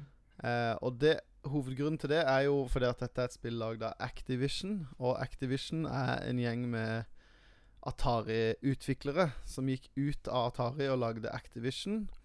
Som et resultat av at de ble ikke kreditert for arbeidet sitt. Så det var litt som eh, Det var litt som å levere et regnskap, på en måte. At det var liksom Du gjorde det, og så gikk du hjem, og så skulle ikke det på en måte bety noe mer. Mm. Eh, du eide på en måte ikke det du hadde lagd, da. Mm. Og det gikk de imot, og da gikk de ut av Atari og lagde da det mange mener er de beste Atari-spillerne. Riktig, riktig. Um, sånn at det, det er veldig Det er veldig fascinerende å se den linken mellom to ting jeg liker godt, som er TV-spill og Jack Black, Mm. som uh, er en veldig merkelig skrue. Ja. Eh, og snakke om koblinger mellom Jack Black og TV-spill, så er det jo da, da, da tenker jeg jo alltid på Brutal Legend, som er et av Ja. de beste, en, en av de beste opptredenene hans, syns jeg, eh, faktisk. Eh, har dere spilt eh, Brutal Legend? Aldri. Ikke spilt den, jeg. Åh, Det er så gøy. Det er jo sånn eh, Det er jo et metal-spill fra 2008. For at Jack Black er jo òg med i Tenacious D, og er jo faktisk Mm. ganske god på musikk. Eh, og så er han veldig glad i sånn klassisk old school heavy metal. Så i Brutal Legend så er det da Som jo utvikla Double Fine med Tim Shafer i spissen. Så spiller han rollen som Eddie Riggs, uh, the world's best roadie, som da er en sånn uh, roadie backstage for et veldig dårlig sånn punk-rockeband. Og så ender det opp med at han dør på scenen, men så blir han da kasta tilbake til The Age of Metal sånn for 10 000 år siden, og da er det liksom demonene under lord Doviculus som på en måte hersker over verden, og menneskene er undertrykt og sånt. Og da må Jack Black gå rundt med elgitaren sin og spille metal og befri menneskeheten ved hjelp av the power of metal. så han kjører ned Så, så bygger han seg en bil med masse pigger og tanker og masse røyk, og så kjører han ned i underverdenen og får den pimpa av Ozzy Osbourne, som for øvrig har stemmen til Ozzy Osbourne. Oh, deilig. og, Det er jo sånn eh, Så, du, så kommer det etter hvert inn sånne RTS-elementer og sånt som ikke er like gode, men det er jo sånn at eh, fotsoldatene de er jo headbangers. Så de bare litt sånn, de går bare fram og så bare nikker med hodet, og så nikker de til alt de kommer over. det er liksom deres jobb. Oh, det er kult. kult. og det er så gøy. Og det er kjempemange metal-folk som har stemmer, lånt stemmene sine til det spillet. Altså Lemmy Killmeister er med, uh, Ozzy Osbourne er med, uh, og Rob Rob Halford, er det han heter? Fra Judas Priest er med. Mm. Eh, ganske mange som er med. Og Ronny James Dio skulle jo være The Demon King Daviculus. Uh, men så endte det opp med at han ikke tok den rollen likevel, dessverre. Men det hadde jo vært helt sjef. Det hadde vært tøft. Ja. Så Brutal Legends er fortsatt et uh, veldig gøy spill med masse bra metal-musikk, så sjekk det ut, folkens.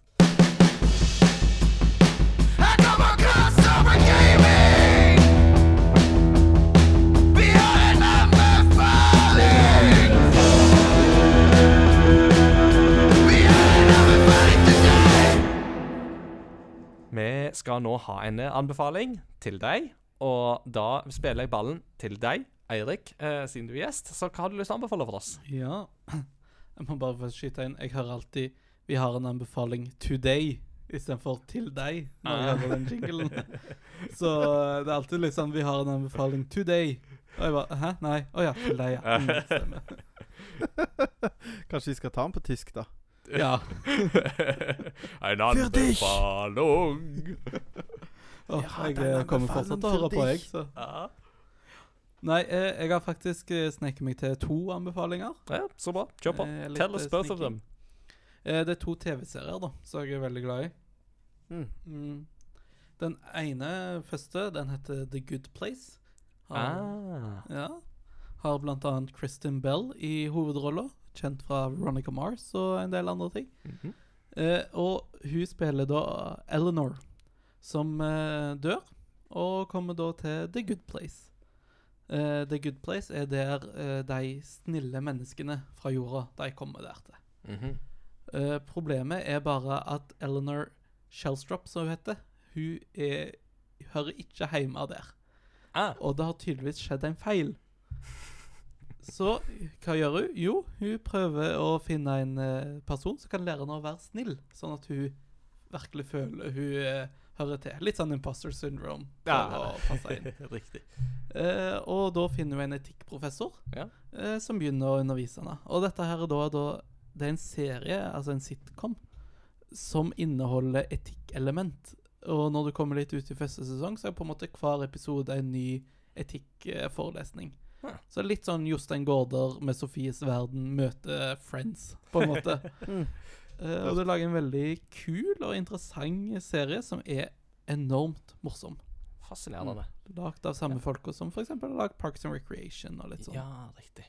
Og så er det vel òg Ted Danson som spiller han her etikkprofessoren, er det ikke? Nei, han er ikke etikkprofessor, han er the architect av oh, The ja. Good Place. Ah, OK. Ja, ok, da, da Eh, så jeg han har bygd akkurat dette nabolaget, da, for The Good Place består av veldig mange nabolag. Der Ah. så og så mange perfekte mennesker bor i lag.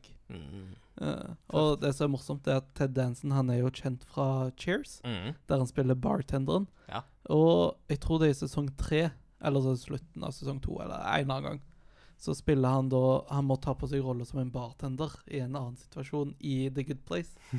og da bare tar han uh, tørkefylla over skuldra og går helt inn i sin Åh, Cheers-rolle. det er så fint. så det er en fin, uh, fint nikk der. Så da er han where everybody knows his name, Oh yes. and, it, and they're always glad he came. Oh yes. Så veldig morsom serie. Eh, sesong fire kom nettopp ut på Netflix i eh, England eh, og litt andre plasser. Det er den siste sesongen. Mm. I Norge har vi bare sesong én og to, men det anbefales veldig. Nice.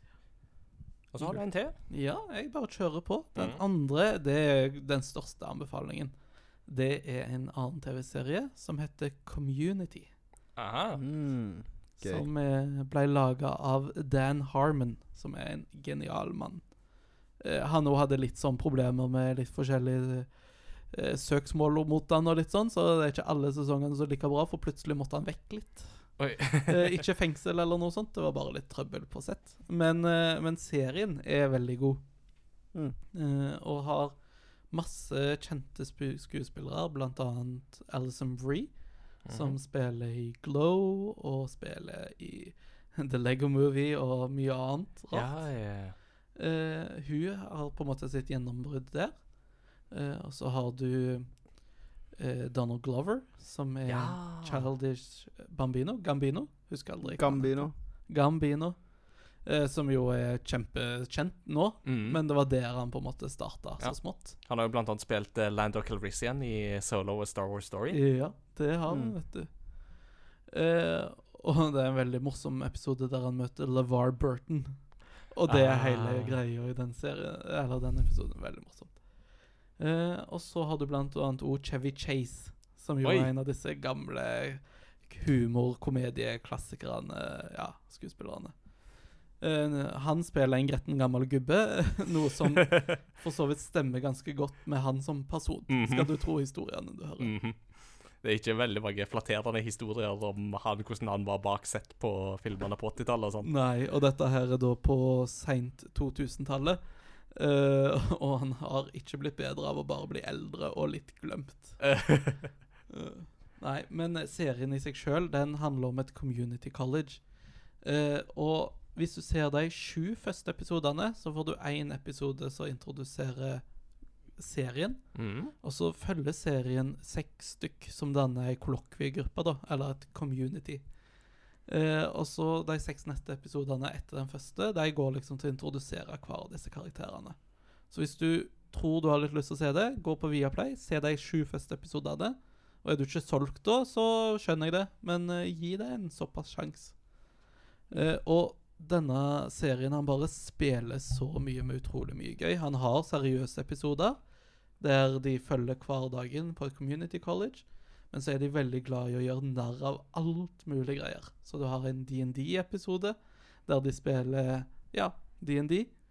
Nice. Eh, du har en Star Wars-episode der de har paintball-krig på hele skolen. Du har en Halloween-episode der de eter noe kjøtt fra militæret som de ikke skulle ha tak i.